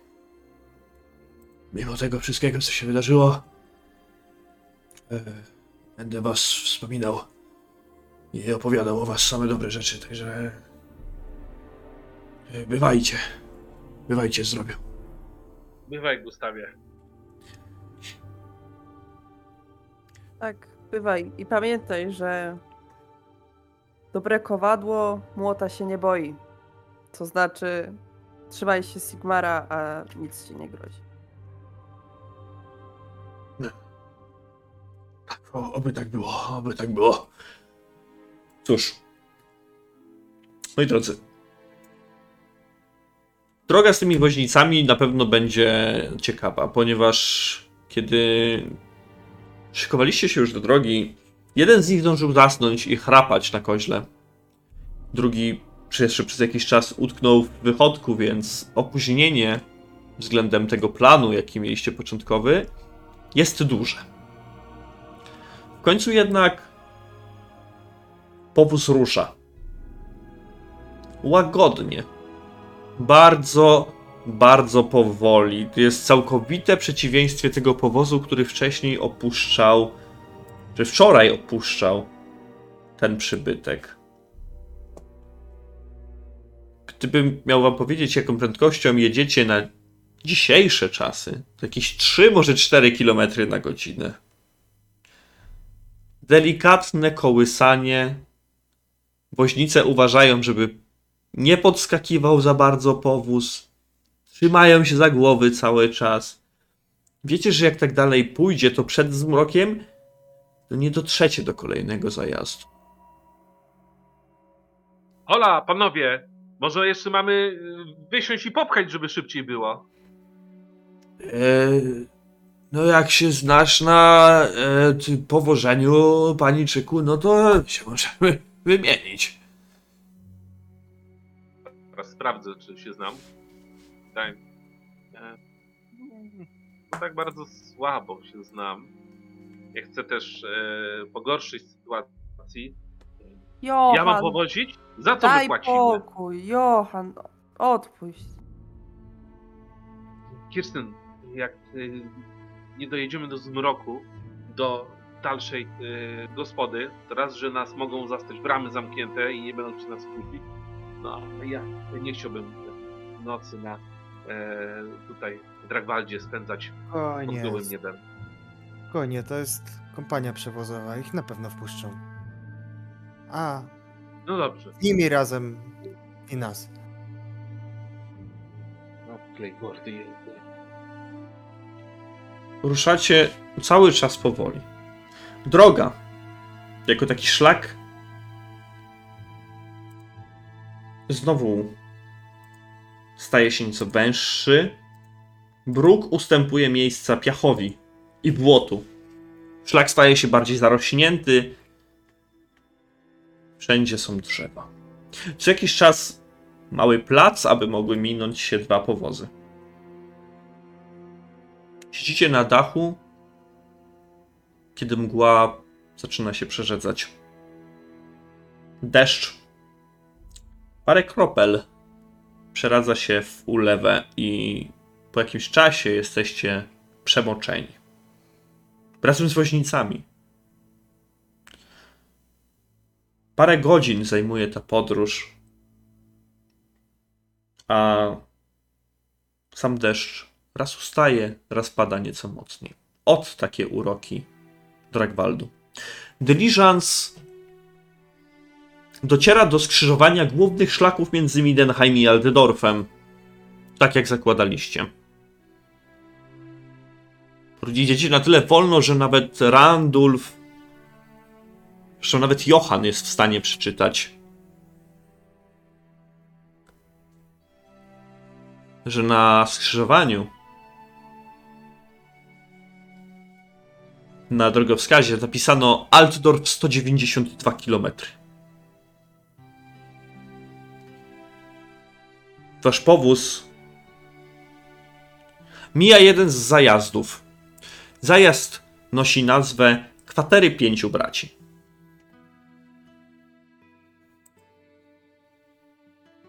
I na tym zakończymy dzisiejszą sesję. Dziękuję Wam bardzo. Dziękuję. Dzięki.